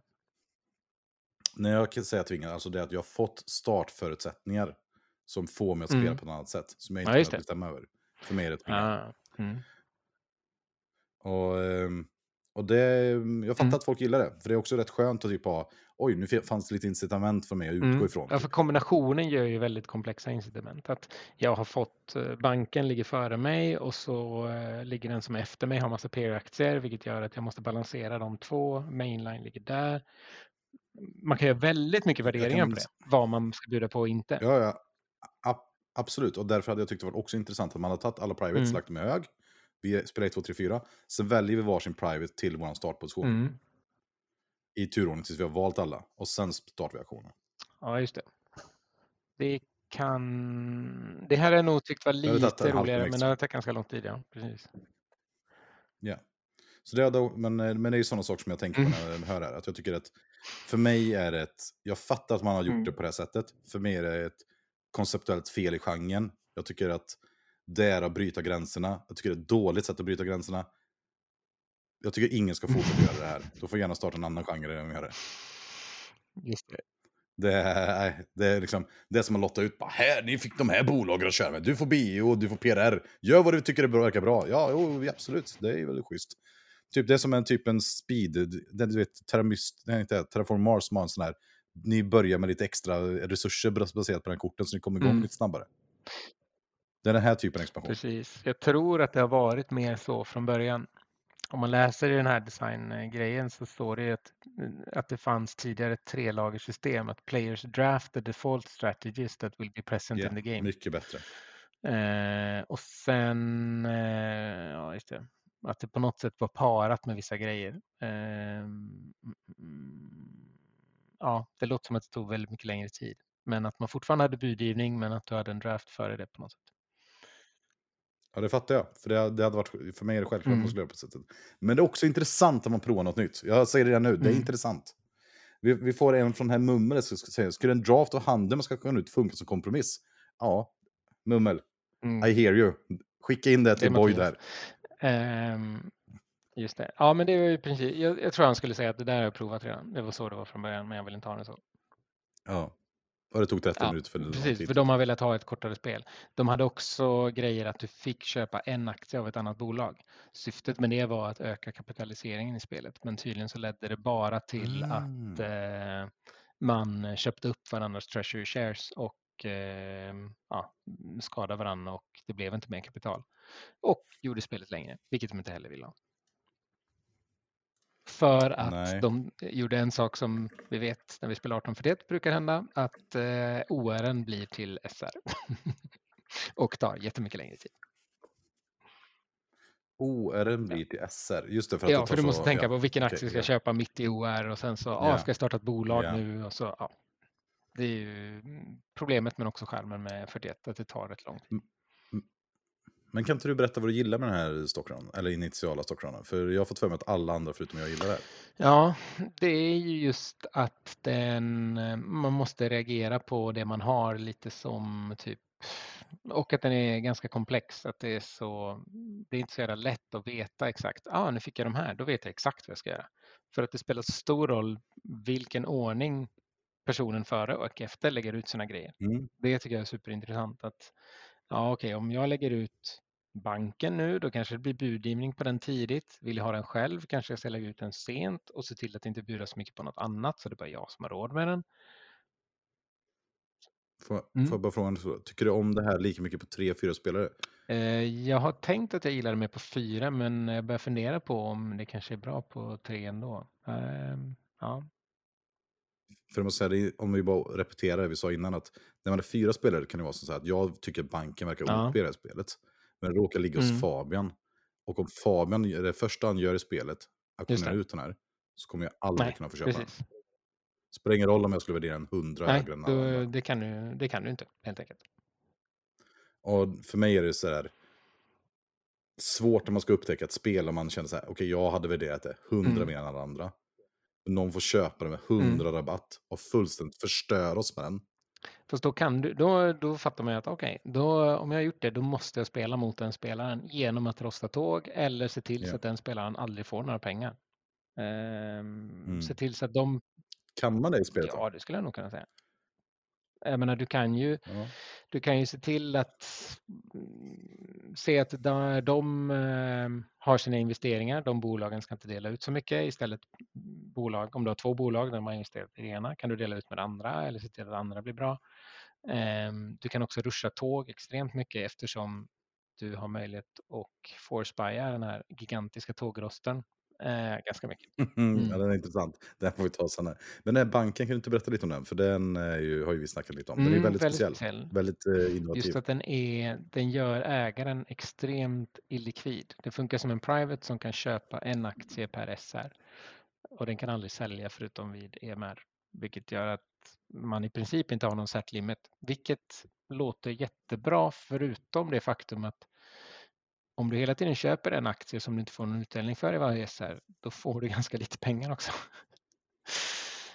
Ehm, vilket man ju kan komma runt om man väntar med att investera med banken till senare. Då blir å andra sidan banken lite fattigare, men då kanske du kommer upp i set limit plus att du har fyra aktier i banken.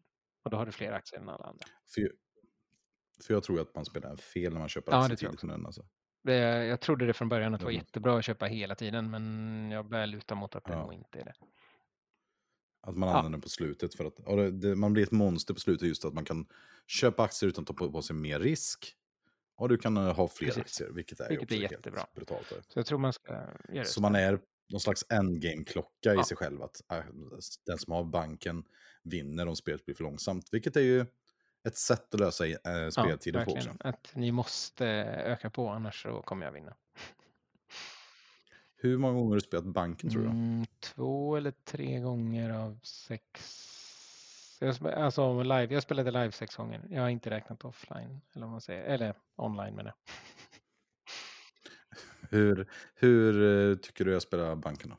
Är det roligt? Mm, Det är väl det som är problemet. Men som sagt, eftersom jag tror att jag spelat den fel så blir den ju tråkigare. Jag tror att om man spelar den rätt så kanske det blir lite roligare. Om man istället satsar på att okej, man behöver inte pusha tåg hårdast. Man behöver ha, se till att ja, klara sig och så ser man till att göra bra investeringar. Och sen kanske någonstans när det börjar lukta permanenta tåg börjar man investera mer och mer. Eller när man känner att men nu har jag lite pengar över, typ, då kan jag lägga in en aktie där. Um, då tror jag den blir roligare också. Ja, för jag har ju spelat eh, Async Mm. en gång med banken. Just Mm. på det sättet. Så jag startade ett bolag SR3 eller någonting Mm. mm. kanske. Och fick vara med och spela ganska mycket. Men för annars så är det ju de personer som suttit och varit passiva ägare till ett spel. Alltså det, är, det är ju det tråkigaste private i något spel jag Ja, på det sättet blir det ju det. Men sen kanske... Så man bara blir en färre spelare som gör Ja. någonting hela matchen. Eh, Det är så himla... Typ, alltså det är typ som att ha en person som bara, okej, du blir speleliminerad i, i, i, i Fast du kan vinna. Vi ses om fem fast timmar. Ja, Fast man kan vinna, ja. Men det är liksom, på något sätt är det, så här, det är ju någon speldödan, alltså någon spelpessimistisk typ som har skapat det. Bara så här, vill du vinna eller vill du spela spel? Samtidigt kan du ju bjuda på kapital med den. Du kan ju liksom, om du vill se till att det kommer in kapital i spelet för du vill rosta någons tåg som det går jättebra för. Då kan du ju floata ett bolag Mm. med banken, se till att någon tar över det. I och för sig, då kan du få det dumpat på dig, men man kan liksom, eller man kan hjälpa till att floata bolag med det. Man kan liksom, ja. Eftersom du har en till spelare. För. Okej, men nu tycker den är helt okej helt Ja, enkelt. jag skulle väl inte försöka få den nästa gång jag spelar kanske. Nej, det, det tycker jag är lite synd. Och, men den, den är, vi har inte pratat om elefanten Mm. i rummet här eller? PR. PR-bolaget, kan man Mm. stolthet? Det som eh, funkar du som ett det funkar eh? Cubase-bolag. Det börjar med fem aktier och sen i takt med att man splittar upp det så blir det fyra, tre, två och ett. Eller noll till och med. Eller vänta, det kanske inte får plats med på den här. Mm, men det är begränsat hur många bolag man kan starta. Man kan starta ett, två och tre bolag i, ehm, i SR så att säga. Och det är bara där man kan på, eh, starta bolag. Så man kan starta max sex bolag i spelet förutom de två som börjar när spelet börjar. Men det här P-bolaget mm, delar ju ut 50-50 eller en tredjedel, en tredjedel, en tredjedel beroende på hur många aktier som finns. Vilket gör att sitter man med 100% ägarskap i slutet på spelet på en aktie och lyckas få in ett tåg där, då kan det bli riktigt nice. Om man har en diesel med en bra rutt. då har du möjlighet att ta in liksom, eh, kanske 600-700 på någon, på någon annan. Det är svårt att få den utdelningen. Så jag har ju hört de här Mm. sägnerna om den här PR-bolaget med Precis. diesel och 700 i rundan. Som också jag för mig inte Ja, vann en sån. att.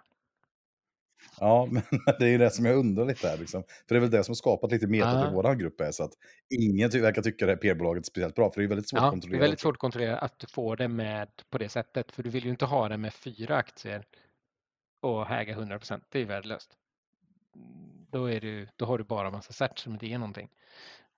Utan man vill ju på något sätt verka som att det går dåligt för en så att folk låter den bli 100% ägare.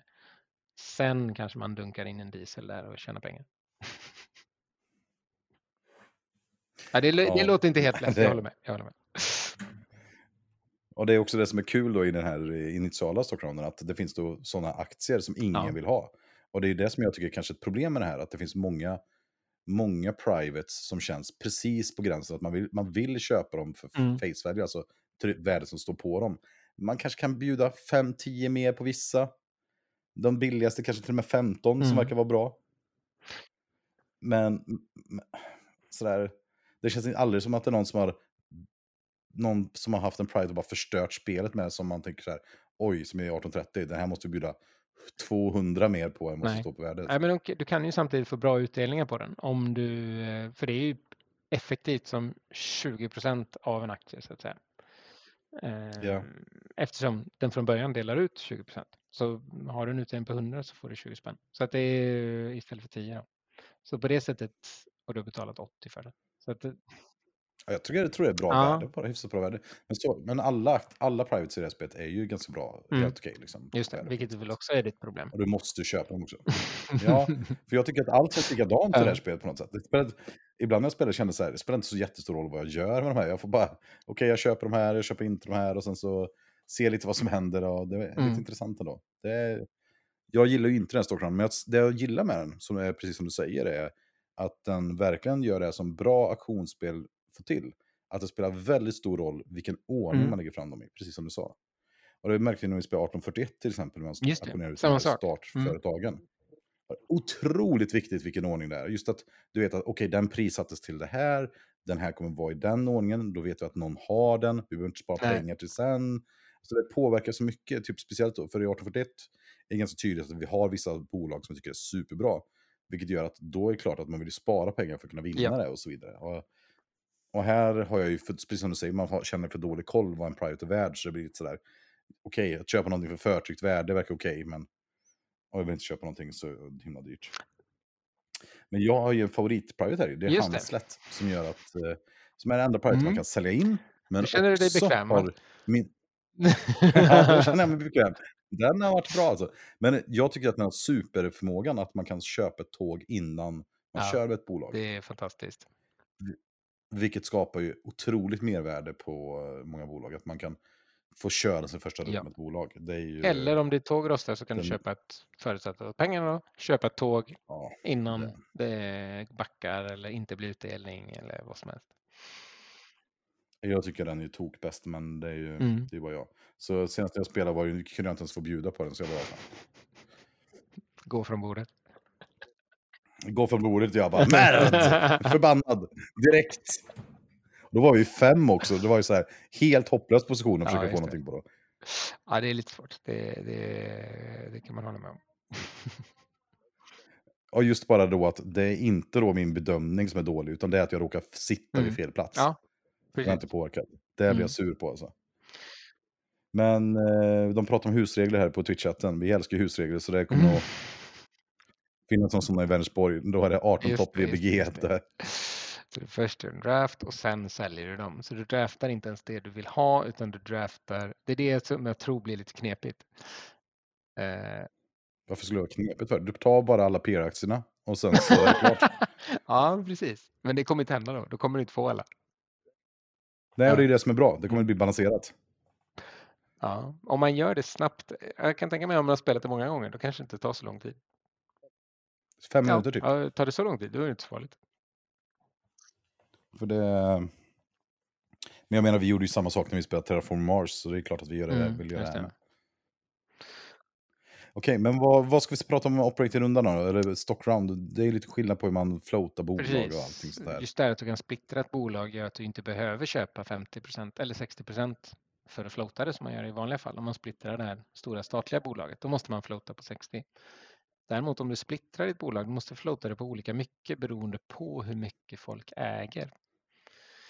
Ehm, eftersom alla byter sina, om jag mm, splittrar av mitt bolag A så delar, tar alla sina par med aktier och byter ut ett av dem, en av aktierna i de paren till det nya bolaget. Så det blir olika mycket kapitalisering i det nya bolaget beroende på hur många aktier folk har, eller framförallt hur många par folk har. Så om jag är den enda ägaren som äger 60% då blir det tre stycken. Men om det är 100% som är ägt av olika spelare, som jag äger 60, du äger 40, och, äh, 20 menar jag, och någon annan äger 20. Då blir det ju helt plötsligt eh, 50% i bolaget som är treasury shares. Som när någon köper dem så blir det pengar in i kassan. Liksom. Så, så det är bättre att ha bolag som är utsålda och splitta än Mm. inte helt enkelt. Och exakt, och är det då så att eh, 50% ligger i det nya bolaget, 50 eh, ligger hos eh, folk, för det blir ju då, då får du tre och eh, jag får tre, du får, du får en och den tredje spelaren får också en. Eh, då ligger 50% där och 50% där, då är bolaget floatat på en gång. Då behöver du inte göra någonting. Då kostar det dig ingenting att helt plötsligt få in 50, fem, fem gånger aktievärdet. Så är det då mainline som har ett värde på över 100. Då vips har du fått en bra kapitalisering på bolaget och det har inte kostat en krona. Det enda det kostar är att ta kontroll över bolaget såklart. Det kanske är någon annan som är sugen på Ja. att köpa det. Men och, och jag tycker att det som är, det man kan säga här kopplat till det också är ju hur man startar bolag i Mm. annat fall. Det är ju att man kan bara starta två nya bolag i fas, vad man kalla fas 2 eller Ja, man det säga? är ju egentligen när både de två första bolagen har startat, då kan du starta, eller och kört, då kan du starta ett bolag. När det har kört eh, SRN efter kan du starta två. Och när de två har kört SRN efter kan du starta tre och sen är det slut. Och det tycker jag är ju ett väldigt intressant sätt att eh, bygga ett spel runt. Just att i alla de här andra spelen så är det ofta en kapplöpning till att starta Mm. bolagen. Och nu finns det ett begränsat antal som 1849 1831 Mm. eller 1830. Men i de här andra när har hur många bolag som helst så handlar det snarare om att fixa rätt pengar vid rätt tillfälle till rätt bolag och sådär. Och här tycker jag det är väldigt intressant att det har den här stressen med att vara först på Mm. att skaffa bolag. Men samtidigt att det är ett ganska intressant system. För jag menar 1830 är det bara, okej, jag kan starta bolag nu, jag gör det, jag tar alla pengar jag har. Trycker igång. Här är ju att det är ett ganska maxat intressant system. Att du kan starta på två Mm. olika sätt. Antingen ta PR-aktien, knoppa av PR och göra det mindre. Eller då att man har den här eh, splitten på sina det är också bolag. det som gör det lite, eller jag tyckte gör det lite roligare på fyra, att du, får, du har i sista, sista SR när folk kan starta så finns det tre platser med ni är fyra spelare. Medan på tre så då finns det tre platser och ni är tre spelare. Sen är det inte säkert att alla startar varsitt bolag, men det, det finns ändå lite mer utrymme på det sättet. Det är lite generösare. Ehm, Just det, så den scalingen hade man kunnat tänka sig att man skulle Men det är svårt för det blir som väldigt hård scaling. Det blir, Ja. mm, Eftersom du har Ja. 1, 2, 3, du kan inte ha 0, 2, 0, 1, 2. Det blir, mm, pajar hela spelet tror jag. kanske skulle vara 0, 1, 2, 3 kanske. Då. Kanske. Ehm, Men det skulle vara väldigt annorlunda. skulle vara Det väldigt skulle ju annorlunda. behöva speltesta enormt mycket. Ja, sen är det dessutom en sjunkande kapitalisering. Så att du får, min, du får para på lägre och lägre värden ju längre du spelar. Vilket är rätt intressant. Ehm, Och det har ju med den här tågrosten att göra antar jag. För att tågrosten är ju gigantisk. Man har blandade tåg där. Det finns både, och det har lite historisk anknytning. I början när de här började bygga ut ön så hade man Mm. narrow gauge. Eh, al- alltså smalspår eller vad man kallar det i Sverige. Och eh, då har man häxtåg och sen så har man då standard gauge sen. Då har man då den stora fina klassiska 1800-tals lokomotiven som körde på och sådär. Man hade ju nämligen ganska mycket olyckor och sånt innan på de här ja, det finns flera bilder på det på Wikipedia såg jag. Ja, ja. Och första bilden står det att ingen dog och så står det nästa gång så dog ingenjören. Typ. Det är hemskt. Ja, deppigt. Men, ehm, ja, men det, är, inte- det är ett väldigt intressant system. Jag tycker nästan det här är en av de bästa sakerna Mm. med spelet. Ja, jag. den är kul för det gör att det händer saker hela tiden. ja, och att ja. man är på tårna. Och det hör också ihop med hur man få prioritet i spelet. Prioritet är ju startspelare Mm. i Stockround, för de spelar bara Eurospel. Och den får man på olika sätt. I 1830 har man att den som sist passade ut ger det till den som är efter den. I vissa spel har man pengar. Och här har man passordning. Alltså typ Terra Mm. Mystica. Den som passar först är först Just nästa runda. Och vilket tycker jag då skapar roliga incitament att, att du vill gärna göra saker som provocerar andra personer Mm. att agera, som passar ut Precis. tidigt. Men när du då gör någonting så gäller det att du hinner passa innan de gör sin grej tillräckligt då. ja. Så det är ganska mycket timing och sådär. Och, och att kunna spela mot vissa specifika spelare som kanske då har varit giriga eller inte vill ta Mm. ansvar. Eller vad det nu kan vara. Precis. Och det, ja, är väldigt... eh, Och vilket gör att spelet balanserar sig ganska mycket. För att person som gör mycket några runder då kommer folk sitta och passa och då vet de att nästa runda kommer få starta ett bolag. Då blir det Mm. så stressigt sådär. Ja, nej, det, det är ju ett, det är väldigt intressant. Man blir sugen på att spela så fort man pratar om det tycker jag. Ehm, Hur komplext tycker du här spelet är om man jämför med andra 18-spel? Det är mer komplext. Det finns ju mer krom eller vad man ska säga än 1830. Ehm, Det gör väl... Mm, det är ju definitivt inget nybörjare 18xx även om folk som har spelat det mycket säger att det är ganska snabbt. Jag har inte upplevt det riktigt. Ehm, Jag, ty- jag tycker det är ganska komplext. Det är mycket med ruttläggning och, och sådär. Där du kan paja jättemycket för dig själv. Det har jag gjort flera gånger. det, min- det minns man ju. det finns några rutter som är Precis, man råkar Fabian-rutterna. lägga en tile och sen så bara, hopp, nu kan inte jag bygga på tre OR. Ja, det var ju trevligt. Och här, för det som att säga i OR så har ju som sagt att man inte kan bygga raksträckor. Det finns ju en private som kan lägga Mm. en raksträcka. Den är ofta en bluff, för den kan man inte Ja. uppgradera. Och sen eh, kan man bara bygga Mm. svängar. Vad, liksom, då tänker jag så här, det här är en av de första sakerna man hör. När det, här, det är så jävla bra marknadsföring om det här Mm. spelet, måste jag säga. Att det är liksom, i, det finns inte att köpa, du får skapa ett eget spel, det är gratis. Du får, kan bygga ihop det med Mm. sax, papper. Det, här, det är många som gör det. Jag har ett hemma som inte byggt färdigt. Fabian är grym på att bygga ihop sådana här spel. Hur många tim- timmar tar det att bygga ihop ett sådant spel tror du om man skulle Två, vara dagar, två, tre kvällar kanske. Ja. två, tre kvällar så har du ett helt spel. Och som är väldigt matigt och kan spela, och, tror jag man kan spela minst 30 gånger säkert utan Oh, att tycka det är tråkigt. Och så en bra skriva på jobbet ska man också. En bra skriva på jobbet, det, Ja. är- det är viktigt. Och sen lite olika utrustning. Så, nej, men det, är, det är klart det kostar Ja, lite att göra sitt första spel. Om man vill ha det laminerat. Så här. Vill man bara papper Mm. så är det lugnt. Vi spelar ju 1830 Avalon Hill-utgåvan Ja, det är första. Och bara papper. Och det, funkar Ja, det funkar bra. Tills man spiller och då är det lite lite patina bara. ja. Men eh, vad jag skulle säga nu att vad, det marknadsför då ju just med de här att det inte finns raksträckor utan bara svängar. Mm. Jag vill höra nu Fabian, är det här bra eller dåligt? Och du får gärna motivera varför. Eh, om man är van vid att, bygga, att bygga räls i 18xx så är det bra för att det kräver lite av en. Man kan inte bara mm, bygga som man brukar göra. Det är kombinationen med att du har häxtåg gör ju att du helt plötsligt måste bygga på ett annat sätt eftersom med tvåplussarna, hade det varit tvåpluståg direkt, då tror jag inte det hade spelat så stor roll. Men eftersom du måste bygga kringelikrokar så gör det ju att du helt plötsligt får en längre häxrutt till något ställe. Eftersom du får bygga två gula om du vill för 20 spänn extra. Så får du balansera lite hur mycket vill jag betala i bolaget och hur lång rutt behöver jag ha eh, med mina häxor. Jag tror att det är någonting, nu efter sex gånger så känns det mer och mer som att det där är något som man kan hantera. Det är inte så farligt längre. Ehm, men i början så var det riktigt mindfuck och man var tvungen att tänka på det flera gånger om. Men jag störs inte så mycket av det, Och typ att inte längre. om man typ förstörde sina rutter och gick åt helvete i spelet för att man hade byggt Ja. helt fel. Och, Men det har man gjort i andra spel Men, också. är ju, Ja. Absolut. Men då får jag fråga dig så här. När, för nu beskriver det här för mig, så låter det lite som att någon skulle säga till mig så här. Erik, du får prova de här andra skorna. Så får du testa. Jag bara, men jag går ju Mm. bara sneakers. Ja, men du, prova ett par riktiga Mm. läderskor. Och sen så gör jag det och jag bara, shit vad annorlunda Mm. det här kändes. Och sen när jag gått i de tre månader så tänker jag inte ens på när jag tar på mig dem. Men det var liksom lite coolt ändå att testa par läderskor och sådär och få lite den feelingen. Men när jag väl är efter tre månader känner så här, okej, men ger det här med något ytterligare Mm. värde i livet att på med de här skorna? coolare. Eller, eller ska jag bara ha mina sneakers Ja. som är skönare?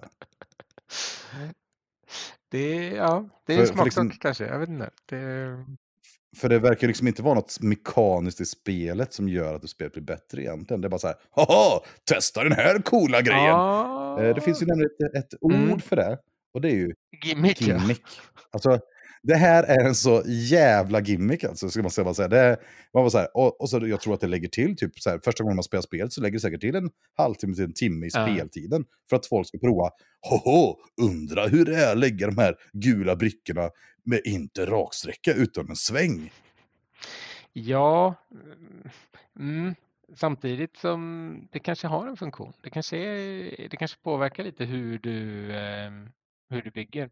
Eh, med tanke på att du har Ja, det är klart det Ja, påverkar men hur alltså, du bygger. med tanke, eftersom du har häxtåg så kanske det fyller en funktion. Det var det jag menade. Jo, men hade det inte varit intressant att det fanns båda delar då? Så att du fick faktiskt välja om du skulle bygga bra för häxtåg eller bra Mm. för vanliga tåg. Ja, jo, i och för sig, det kan du inte göra. Du måste ju bygga bra för häxtåg i princip. Eller inte bra, men dåligt. Och jag, och jag tänker, och även kartan är ju balanserad för det här. Jag tänker, det här hade varit in, intressantare till exempel att göra så här. Oj, nu spelar vi 1830-kartan utan Ja, det. raksträckor. För att få typ återupptäcka en karta Ja, på det här sättet. Det hade för mig varit mycket mer spännande och roligt. Typ så här, att se att hur stor del är raksträckor av de här bolagets värde till exempel. Mm. BO, är det fortfarande ett bra stabilt bolag utan raksträckor? Nu måste jag värdera om det här spelet, etc. Det hade jag gillat. Och sen så när man väl har gjort den värderingen så slutar det finnas någon funktion med det Ja. sätt. För att man vill ju skaka Mm. om någonting. Ja, verkligen. Ehm, ja, nej, jag ska inte säga att jag kan försvara det direkt, men det stör mig inte heller så mycket. Men ehm, Nej, och det jag bara tänker så här, om typ spelomgång tre när någon råkar bygga sönder ett bolag för att den tänkte i sin hjärna. För, att vara, för det är det som är grejen också, de här spelen är Mm. ganska långa. Man är ganska Ja. stressad när man spelar för man vill ha något så socialt accepterat tempo. Och sen så går man liksom, blir man stressad när man ska bygga sina konstiga svängar helt plötsligt. Och sen så är det någon som bara sabbar hela matchen på grund av att den har lagt fel sträcka helt plötsligt. Och då kan jag säga bara, okej men vad är det här? Kunde inte det här bara få varit en hö-hö-hö-idé och sen skulle man ha det som en variant till hö-hö-hö-varianten på slutet Mm. eller någonting. Och sen bara haft lite vanliga du får väl tracks. prova att spela det med 1830 tilesetet och se om det, om det flyger. Jo, men då hade jag behövt en annan karta. Ja, okej. Mm. Ja, jo. Jag fattar ju rent tematiskt varför Mm. det är med. Liksom. Ja, tematiskt så är det ju ganska tydligt att det är liksom, ja, har med det där distansen för att- göra och sådär. Och bra marknadsföring. Ja, det också, verkligen. Det är ju till och med någon i den här tråden som skriver att eh, oh, jaha, okej, det låter intressant. Då är jag ännu mer sugen på att spela det. Så att det, det funkar. Då. Ja, Deppigt det alltså. är hemskt. Men, men finns det något annat i operating-rundan som tycker är bra eller intressant med det här spelet? Då? Ehm, Tågen till exempel. Är de, det är ju jättemycket tåg. tåg. De är Mm. jättebilliga. Tills de inte är det. Tills de är permanenta och blir väldigt mycket jobbigare. Ehm, men Och blandningen av tåg, att det finns både häxtåg och eh, vanliga tåg, som vi Precis. kallar det. Vanliga tåg är att man räknar med punkter man spelar, åker mellan. Häxtåg räknar brickor, vilket gör att det spelar roll att åka på en lång Mm. väg. Vilket inte gör med en vanlig tåg. Ja, och det gör ju att du kan bygga jättebra häxväg och sen så för, för plusståg så är det inte alls lika bra. Eller för ett sjuetåg är det kanske värdelöst för du har byggt massor med ditt som inte ger någonting. Vilket gör att det blir, inte en catch-up mechanic, men det blir ju ändå en slags ark för ditt bolag som var bra här i början av spelet och sen så blir det lite sämre och sen så blir det bra på slutet igen när du har ett dieseltåg som kan åka hur långt som helst. Så att mm, just det fyller ju absolut en funktion och den är nog en av de mest intressanta tågrosterna i ett 18xx-spel. Ehm, Jag vet inte vem, vilket annat som skulle komma nära. nära liksom. Så jag har ett stort problem med det spelet, med tågrosten. Det är ju att tågen är för billiga. Men det är väl bra. Annars så pajar du ju Nej. hela rostförfarandet. Jag menar 1860 till exempel. Mm. Har, har ju du spelat. Det, okej. Förlåt, jag hade nog på 1860. Det är alla, allas hatspel. men eh, Mike Hatton. Nej men alltså att där märker man att köpa ett tåg är ett så stort Mm. beslut för att de är så dyra. Och de kommer fortfarande rosta någon gång. Och du måste ta ställning till, är det här värt att Mm. köpa det tåget? För det är så otroligt kostsamt och så Mm. svårt att köpa. Och få svårt att få upp pengarna. Men i 18 topp är det så alltid så här, du har alltid pengar Mm. att köpa tåg. Och då tänker du så här, okej om inte jag köper tåget, vad händer om alla andra köper varsitt tåg? Okej, då rostar Ja. alla mina tåg. Jag måste alltså Mm. köpa tåg. Jag måste också då fortsätta med tågrosten. Vilket gör att incitamenten typ alltid finns för att Ja. köpa till tåg. Men det är ju kul ju. Det är, frågan är bara hur många tåg du ska köpa. Det är snarare det som är till slut. Nej, nej det, jag tycker att det är tråkigt för det känns skriptat. Det känns som ett automatiskt val. Det är typ som i Agricola när jag måste skaffa mer, fler familjemedlemmar. Det är inte ett val längre, utan det är bara någonting jag gör Ja, fast automatiskt. det är ju inte det. Alltså, du, du, jag- du kan ju köpa ett tåg eller två tåg eller tre tåg ibland till och med. För att de är så billiga. Det är väl snarare det som är ditt val snarare än att du ska köpa ett monstruöst tåg. Ja, då är det snabba version, snabbtanken är så här. Okej, kan jag köpa flera tåg på samma nivå? Alltid Ja. katastrof. Kan jag köpa fler tåg som innebär att jag får täckning över flera nivåer? Alltid Mm. superbra. Och sen när för mig är det slut eh, köpa tåget i spelen då. Jag tänker, ing- alltså jag tänker verkligen noll sekunder på att köpa Mm. tåg i det här spelet. Gentemot om jag spelar 1860 är väl värsta exemplet, men det finns ju massa exempel där det faktiskt är 1849 är ett bra exempel. Ska jag köpa den här 6H, skapa incitament för folk att göra massa olika saker. Jag vet att tåget är dåligt värde på, det kommer vara kast, men det skapar incitament i spelet för att få dem att tvinga fram Mm. positioner. Det tycker jag är intressant. Jag tycker det helt saknas här. Jag, noll, alltså det är helt ointressant att köpa tåg i spelet. Mm. Ja, jag tycker ändå det finns ett värde i att, att det är så pass många, vilket det är inte alltid är dåligt eh, eftersom det bara är tre av varje sort till exempel, mer eller mindre. Ja, just det. Fyra av de första.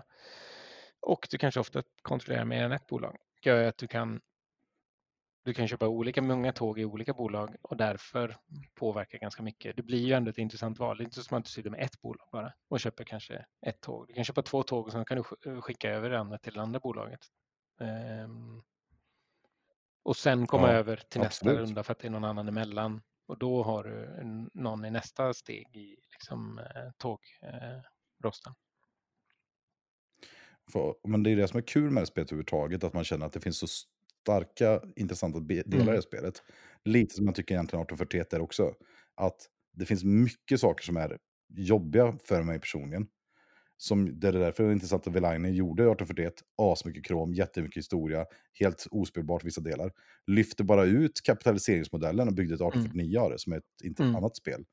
Eh, här känner jag så här, man skulle kunna ta så många av de här idéerna och nästan bara ta ett 1830-spel, slänga på en av idéerna och sen har man ett helt nytt Mm. 1860-spel. Och det hade varit väldigt intressant att se, till exempel hur hade det här spelet varit med en mer normal, normal tågrostad till exempel? Jag tror att det hade varit ett svårare och mer komplext spel. Det hade antagligen tagit Mm. mer tid också. Ja, vem vet, det kanske är Lonnys nästa Kickstarter. Ja, och jag vet att, eh, jag tror att de här som du lyssnar på som har gjort en jättebra recension på spelet, Ja. som är på engelska. Ja, jag för mig att det var någon som pratade om det här, att de sa att tågrosten var skriptad.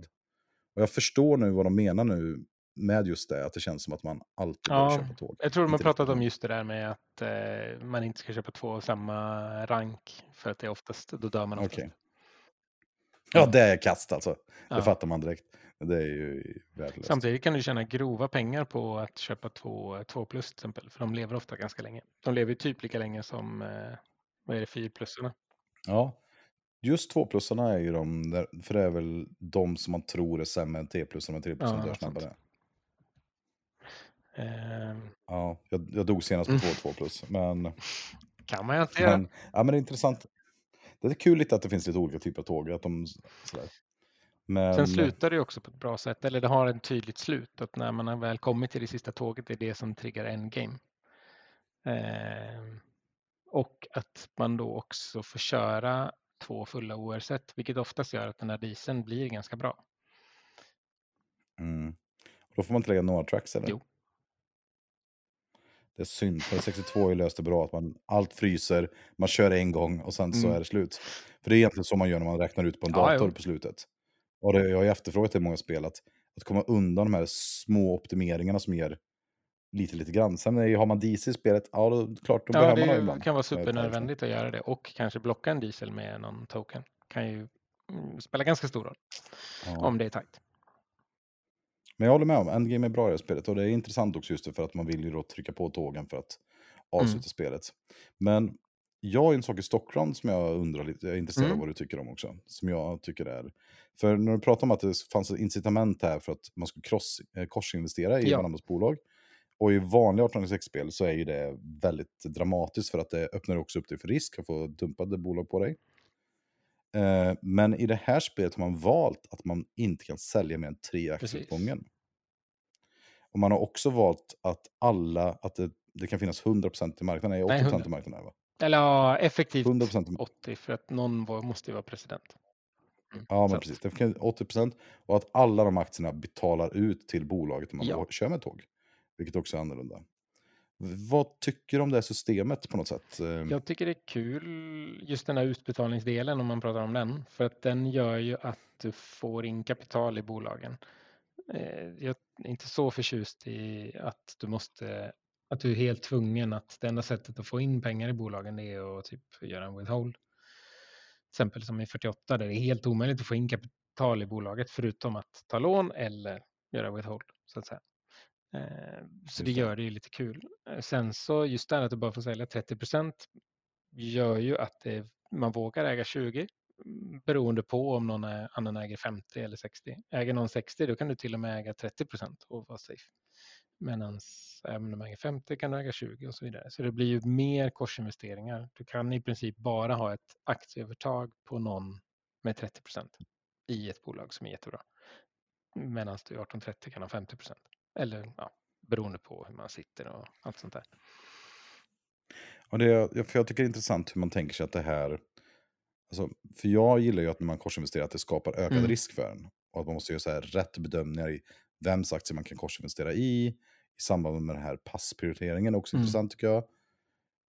Men det blir, för mig tas det bort mycket udd när man säger att 30% skillnad och så vidare. Att det kan inte bli några så här dramatiska dumpningar.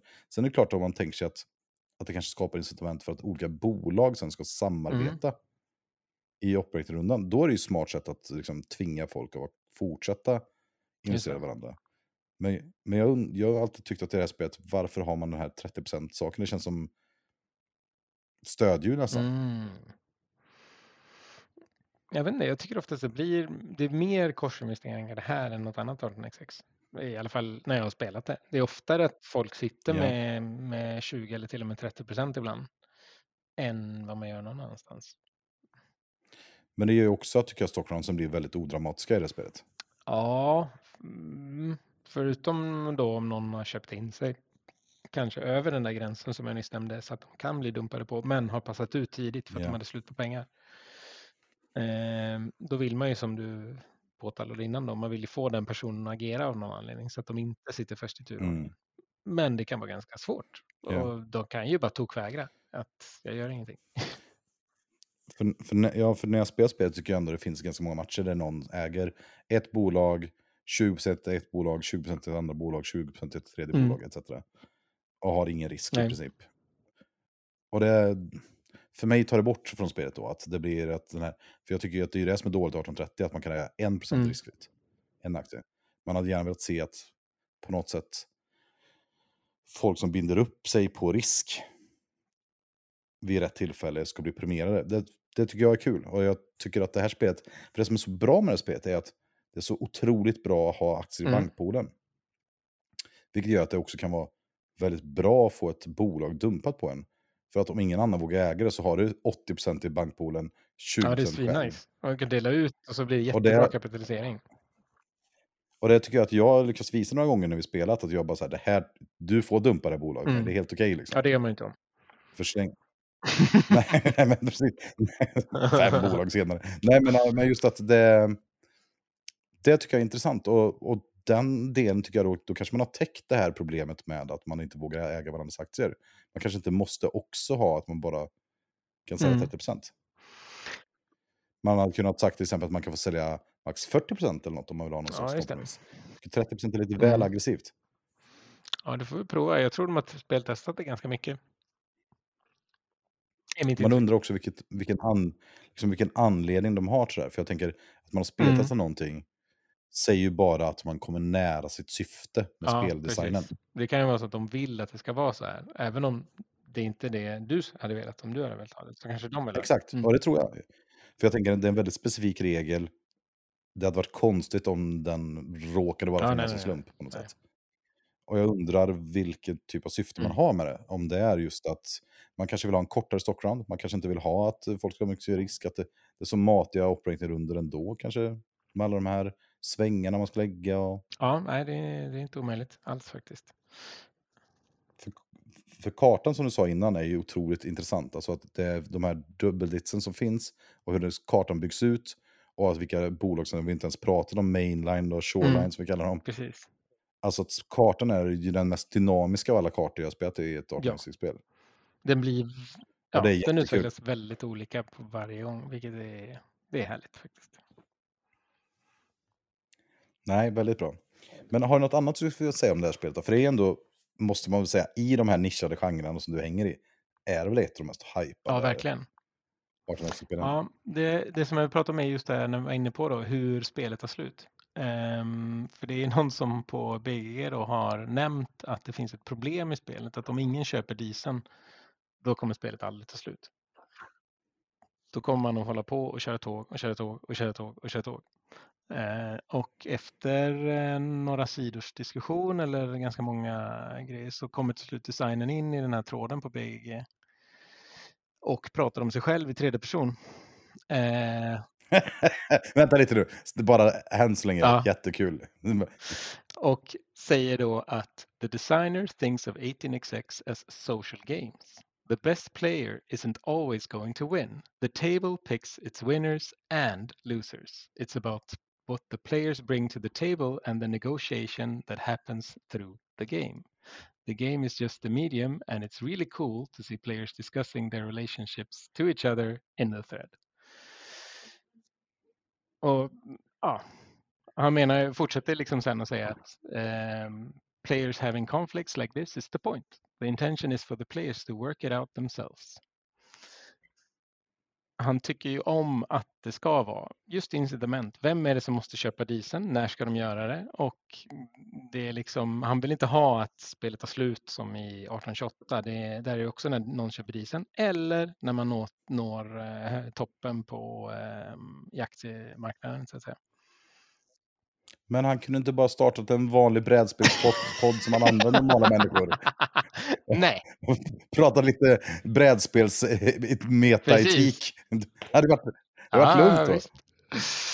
Ja, jag tycker det är väldigt roligt. Uh, JC Laurent kommenterar ju under och säger att uh, Lucas reply is uh, gold eller vad han skrev. Uh, completely delightful. Ja. det, ja, det, är- det är den ju. ja, jag tycker det är härligt. Nej. Ja, men, men det är ju Ja. fantastiskt kul. Alltså det är en sån trollning till folk som, eh, ja, Mm. skitkul. Men, jag fattar ju att folk blir besvikna med att spela ett spel om man inte spelar färdigt ibland. Men som det var när vi spelade 1830 Mm. senast. Va? Det är middag, vi har bestämt att vi inte ska spela färdigt om det tar för lång tid. Ja, nu höftar vi det här, vem vann? sen går vi Ja. ner och käkar liksom. Och sen så, så får man, för det tycker jag, mm, spela 75% av många 18 spel är ju Ja, det är väldigt roligt. Han nämner ju också där faktiskt, kommer jag på, såg jag nu, att varför han, man absolut inte kan spela fem, att det blir för fragilt.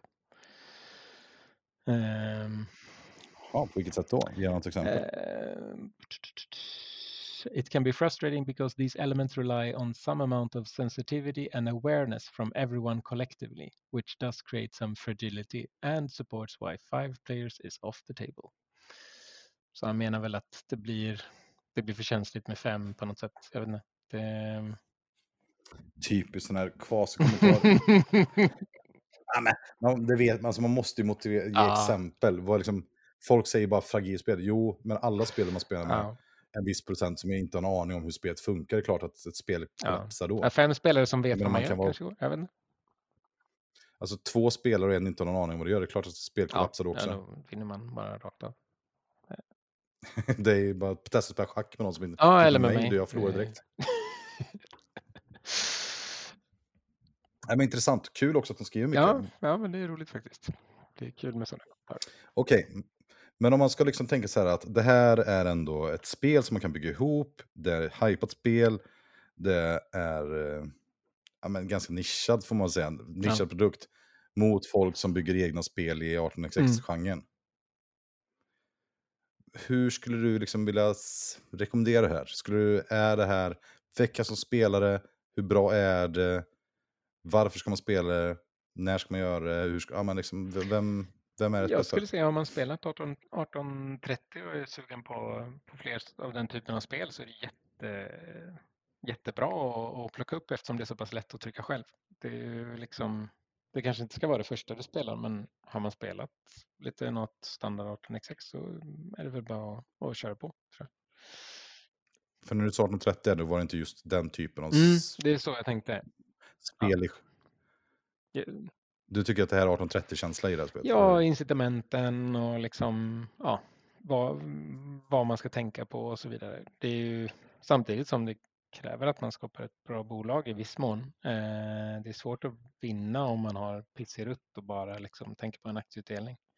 Även om bolag alltid Mm. går upp om de delar ut, precis som i 1830. De måste inte dela ut sitt värde eller något sånt. Just det. Jag är egentligen inte beredd för att säga vad jag tycker om det här spelet innan jag sagt den stora grejen med det här Mm. spelet. Som jag, hela min grej till att jag ville prata om spelet överhuvudtaget. Alltså, när jag summerar alla saker som jag tycker om det här spelet så är ju nästan alla saker negativa. Och när vi var på Mm. Tuncon här nu så sa jag ju att lite skämtsamt att det är bland de sämsta spel som jag tycker är roliga att det. spela. Ja, det är jag en kul om. kompromiss, eller vad säger motsägelse. Och, och det är klart att man, då kanske man måste definiera vad ett bra spel är och sådär. Men ja, det är väldigt få val. Om jag hade själv valt att göra ett 18-spel så är det väldigt få av de här valen som jag, alltså, som jag ser som syftet. Jag vet inte om det är syftet till exempel. Mm. Som jag pratar om ISR-aktionen eller stockrounden eller gimmicken med rälsen och så vidare. Väldigt få saker som jag tycker borde finnas i Mm. något annat spel. Men jag tycker fortfarande att det här spelet är jättekul att spela. Mm. Och det är ju framförallt ett underbetyg ska jag säga. Till hela jävla genren 18-spelen. Ja, men det är inte det- stor pool nej, med folk men- som men- faktiskt designar kanske också. Nej, och att vi har kommit in i hobbyn lite sent. Det har funnits en lång tradition med man bygger spel. Och då har det varit en så stor grej att man, man har kommit undan med att ta Mm. 1830. Gjort en liten, liten eh, variant på det 1830 och så kallar man Mm. det ett nytt spel. Och kanske en Lonnie. karta. Och då tycker alla, ja exakt, då tycker alla bara, åh wow, ett nytt spel, det måste jag köpa, Mm. vad coolt. Och sen eh, kommer någon annan med en ny, ny bara 1856, oj, det finns stadsbrickor där man tagit bort ett Mm. streck på dem. Och alla bara, wow, det är coolt. Och så har jag känt också när jag spelat. Jag bara så här, oj vad coolt, undrar vad det här gör för en, liksom, hur det påverkar en spel Mm. och sådär. För det är coolt. Alltså det är kul. Att, det är samma sak om jag köper en expansion till Kväna. Man har tryckt en liten variant.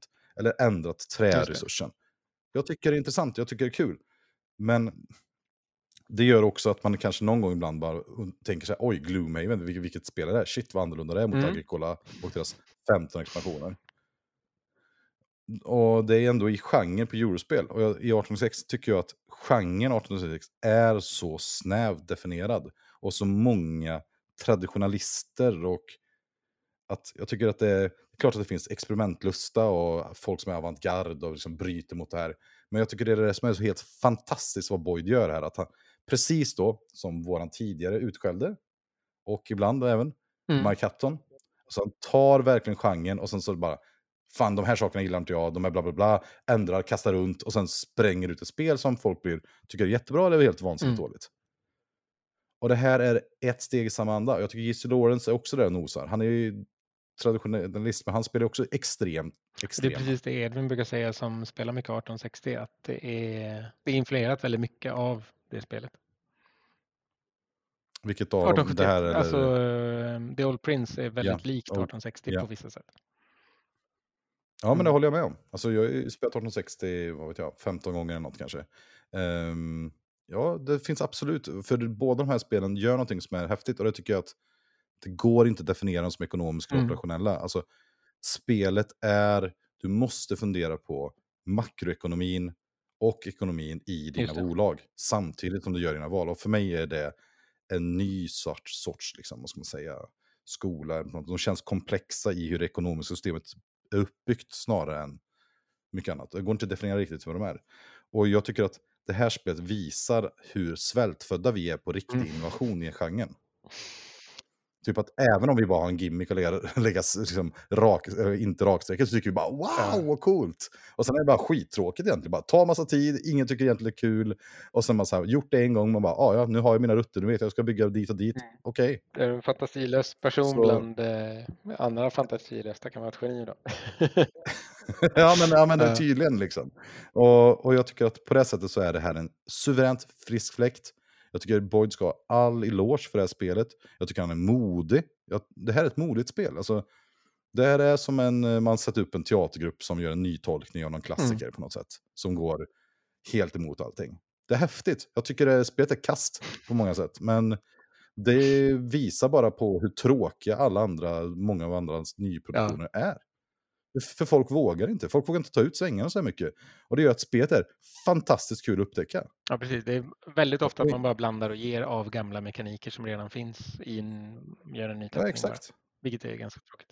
Och, och just att när man får upptäcka ett spel på riktigt, då är, då är det inte på den här nivån att man ska upptäcka ifall, oj, nu har de tagit den här privaten från 1830 och sen har gjort ett annat bolag på den här Mm. kartan och sen sänkt priset med 10 på den. Är den värd 180 Precis. istället. Och så har de lagt in frakttåg från 1862. Ja, men, men på något sätt. Medan, vilket, man ska inte få ranta för mycket mot genren som vi älskar den, men, men liksom, här är det ju verkligen saker sådär, jag har ingen aning om hur det här Nej. kommer funka. Nej, det är kul. Och, och, det, och det, är det är jättekul och jag känner mig svältfödd som spelare. Jag Bara så här, Oj, vad jag hoppas att det finns fler personer. Jag hoppas att det här är den nya skolan som jag har tro, trott, jag har inte pratat så mycket om det, men jag tror ju verkligen att alla vi som började nu runt covid, innan Mm. covid, det kommer få otroligt stora konsekvenser på sikt hur genren kommer utvecklas. Jag tror den kommer finnas mycket mer eurospel, mycket mer spel med konstiga mekaniker som blandas, hybridspel. Och ja, ja Old Prince. Typ en femma av tio kanske jag skulle ge det. Men, eh, men, Wow. men, men, jag ty- men jag tycker att det är... eh, Jag hoppas verkligen att många av de här... Framför allt hur den här eh, kapitaliseringsmetoden funkar i spelet. Är superbra, alltså, superintressant. Och även hur att man har olika positioner med privates initialt. Men sättet man ska få dem tycker jag är Mm. kast. Jag tycker att, eh, jag tror att det här finns, alltså det här är, jag hoppas att Boyd gör det här och sen gör om spelet på ett annat sätt och det skulle kunna bli ett helt fantastiskt spel. Ja, Nej, du får väl testa om det är bara det som behövs eller om det är något annat. Med... Ja, du menar att jag ska då göra om det här spelet? För, jo, för jag är ju så himla bra på speldesign. Så. Ja, men det låter som du har många idéer. Ja, men vad tycker du då, Speta? Det här, är det här en... eh, Vad, vad skulle du ge det för betyg? Jag Varför? skulle nog ge det en åtta eller nia. Det är, jag menar, det är ju något av de spelare jag är mest sugen på att spela. Om man liksom tänker typ 41, 30. Jag vet inte vad jag annars skulle vilja spela heller. Liksom. Du är inte 60 eller 62 Nej. gammal här direkt. Så jag menar, då kan jag inte ge den så mycket lägre än så. Det, Men är inte det deppigt liksom? Hur många spel vill man spela i 18x-genren? nej, det är typ tre. Jag tycker det är jätteroligt att man säger, ja, ah, du tycker om Martin XX? Ja, fast bara den- och den och den. Och sen hatar jag de Ja, där men- och de och de och de och de och de och de. Men visar inte det också att det är så många spel som är liknande varandra också? verkligen. Det är, det. det är ju så. Det är ju och det är därför jag tycker 1862 och 1860 är jättespännande, för att de är så Mm. Ja. annorlunda. Jo, men det kan jag förstå. Då, för då, då blir, finns det en anledning att äga dem och en anledning att ta fram dem för att man får ut någonting helt annat än man får av något annat. Det är ju lite 82s problem till exempel, att det är så pass likt 30 så att det, ja, det, det blir lite meningslöst. Ja, eller 89 typ. Ja, det, frågar, det ställer en annan fråga typ kan man säga. Eh, än vad 30 Ja. gör, fast med samma, exakt samma mekaniker, exakt samma funktioner. Sådär. Och vi ska berätta då den eh, intressanta saken här då. För folk tycker att jag är dum i huvudet när jag säger att någonting Mm. är tråkigt. Och att jag tycker att ett, eh, eller någonting är dåligt och jag tycker det är kul Mm. att spela. När det här kommer någon gång gå att köpas, insta-buy Ja. för mig alltså. Alltså, Boyd ska ju bara ha de här pengarna. Det här, det här, jag skulle köpa det direkt alltså. Utan tvekan. Gissningsvis får du det, möjligheten till det efter 1889 har levererats. Jag skulle tro att det är hans nästa. Ja, Nej, det är, kommer, jag kommer köpa det direkt. Och sen kommer jag givetvis spela det med massa olika Mm. husregler. Så det är ju... Om du behöver. egna Det kanske är nya regler då. Ja, men- Vem vet? Vem vet? Just det, Men just det. gissningsvis Ja, tror jag inte det jättemycket för att det har ändå varit ute nu ganska länge och han inte, det är inte som att han gör ändringar hela tiden utan ja. Ja, och sen tänker jag, speltestar man med de personer som är mest hypade Ja. i hobbyn, som tycker det är bra, då är det så här, ja, har man inte lite hybris, då så vet jag Precis. inte. JC Lawrence har varit med och utvecklat kartan liksom. Han kommer inte att göra ändringar på den liksom. Kartan är, kartan är dock Mm. fenomenal. Den är skitbra. Men ja, alltså eh, 18 topp, eller 1871, eller The Old Prince, kärt barn Mm. många namn. Spridda åsikter här från oss på Tunga podden får man väl säga. Precis. Men, det vi ska säga, har man en, är man sugen på att spela ett 18-spel? Jag tror att man skulle kunna spela det som sitt första spel. Ja, det kan man nog. Det blir en lång teach, men absolut. och eh, jag har ändå spelat nyligen med personer som inte spelat Mm. 18-spel. Och då märker man så här, oj, spelet är ganska mycket att ta sig in. Men folk kommer ju Ja, jo, tillbaka. verkligen. Nej. Har du någonting att tillägga innan vi slutar för då? Nej, printa det bara. Gör det. Printa det bara, det är inte så jobbigt. Prata det är kul. direkt Man har något att till göra Edvin. kvällen. jag, ska, Ja. jag ska fixa färdigt mitt också här snart. Ja. Men med det sagt så, ja. Tack för idag. Nästa gång hoppas jag Martin kommer tillbaka. Vi skulle egentligen träffats idag och pr- prata Guards of Atlantis. Stock i huvudet, fick eh, oanade konsekvenser. Men så tur att vi hade ett på Mm. gång här. Och egentligen kan man tänka sig, om man förstod tidigare anspelningar förut, att eh, jag har ju lite mer tid i mitt liv nu i och med, just det, det var ju det jag skulle säga också, att jag är nyskild. Så det är därför det har varit lite rivigt att jag har gjort det här, vad ska man säga, eh, bli skild. Skilsmässofesten under inflation och krig, krig och eh, bla bla bla. Försöker helt plötsligt dumpa tillgångar. Intressant eh, om man tänker ekonomiskt spel med Ja. att försöka komma levande ur det. Men det har man gjort.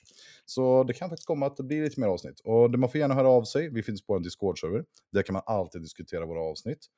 Och man kan också diskutera vem man skulle vilja ha som gäst nästa gång. För Fabian kan ju inte vara med varje gång. Precis. Och jag vet att Martin också är saknad. Men Givet. Martin har ju också mycket, Mm. givet, Martin har mycket saker att göra också. Och jag skulle gärna prata med fler personer om olika spel. Så har man lyssnat på det här så tycker jag att man ska komma in på Discord-server. Där hänger vi. Vi är typ 140 pers. Vi är numera ungefär 480 till 500 personer som lyssnar på våra avsnitt. Det är helt sinnessjukt. Ja, säg hej. Vi är inte farliga. Vi, vi Ja. bits inte. Tror jag inte. Idag har vi pratat om den här politikern som höjde Just sin det. lön. Och var tyst i 30 Så sekunder. Ja, fy fan. Usch. Ah, nu har jag svärt Ja. ut för mycket då. Men, Men är det eh, tack, igen. tack Ha för det bra. Hej. Ha det brädspelspodden. bra. En samtalspodd mellan vänner om tunga, djupa brädspel.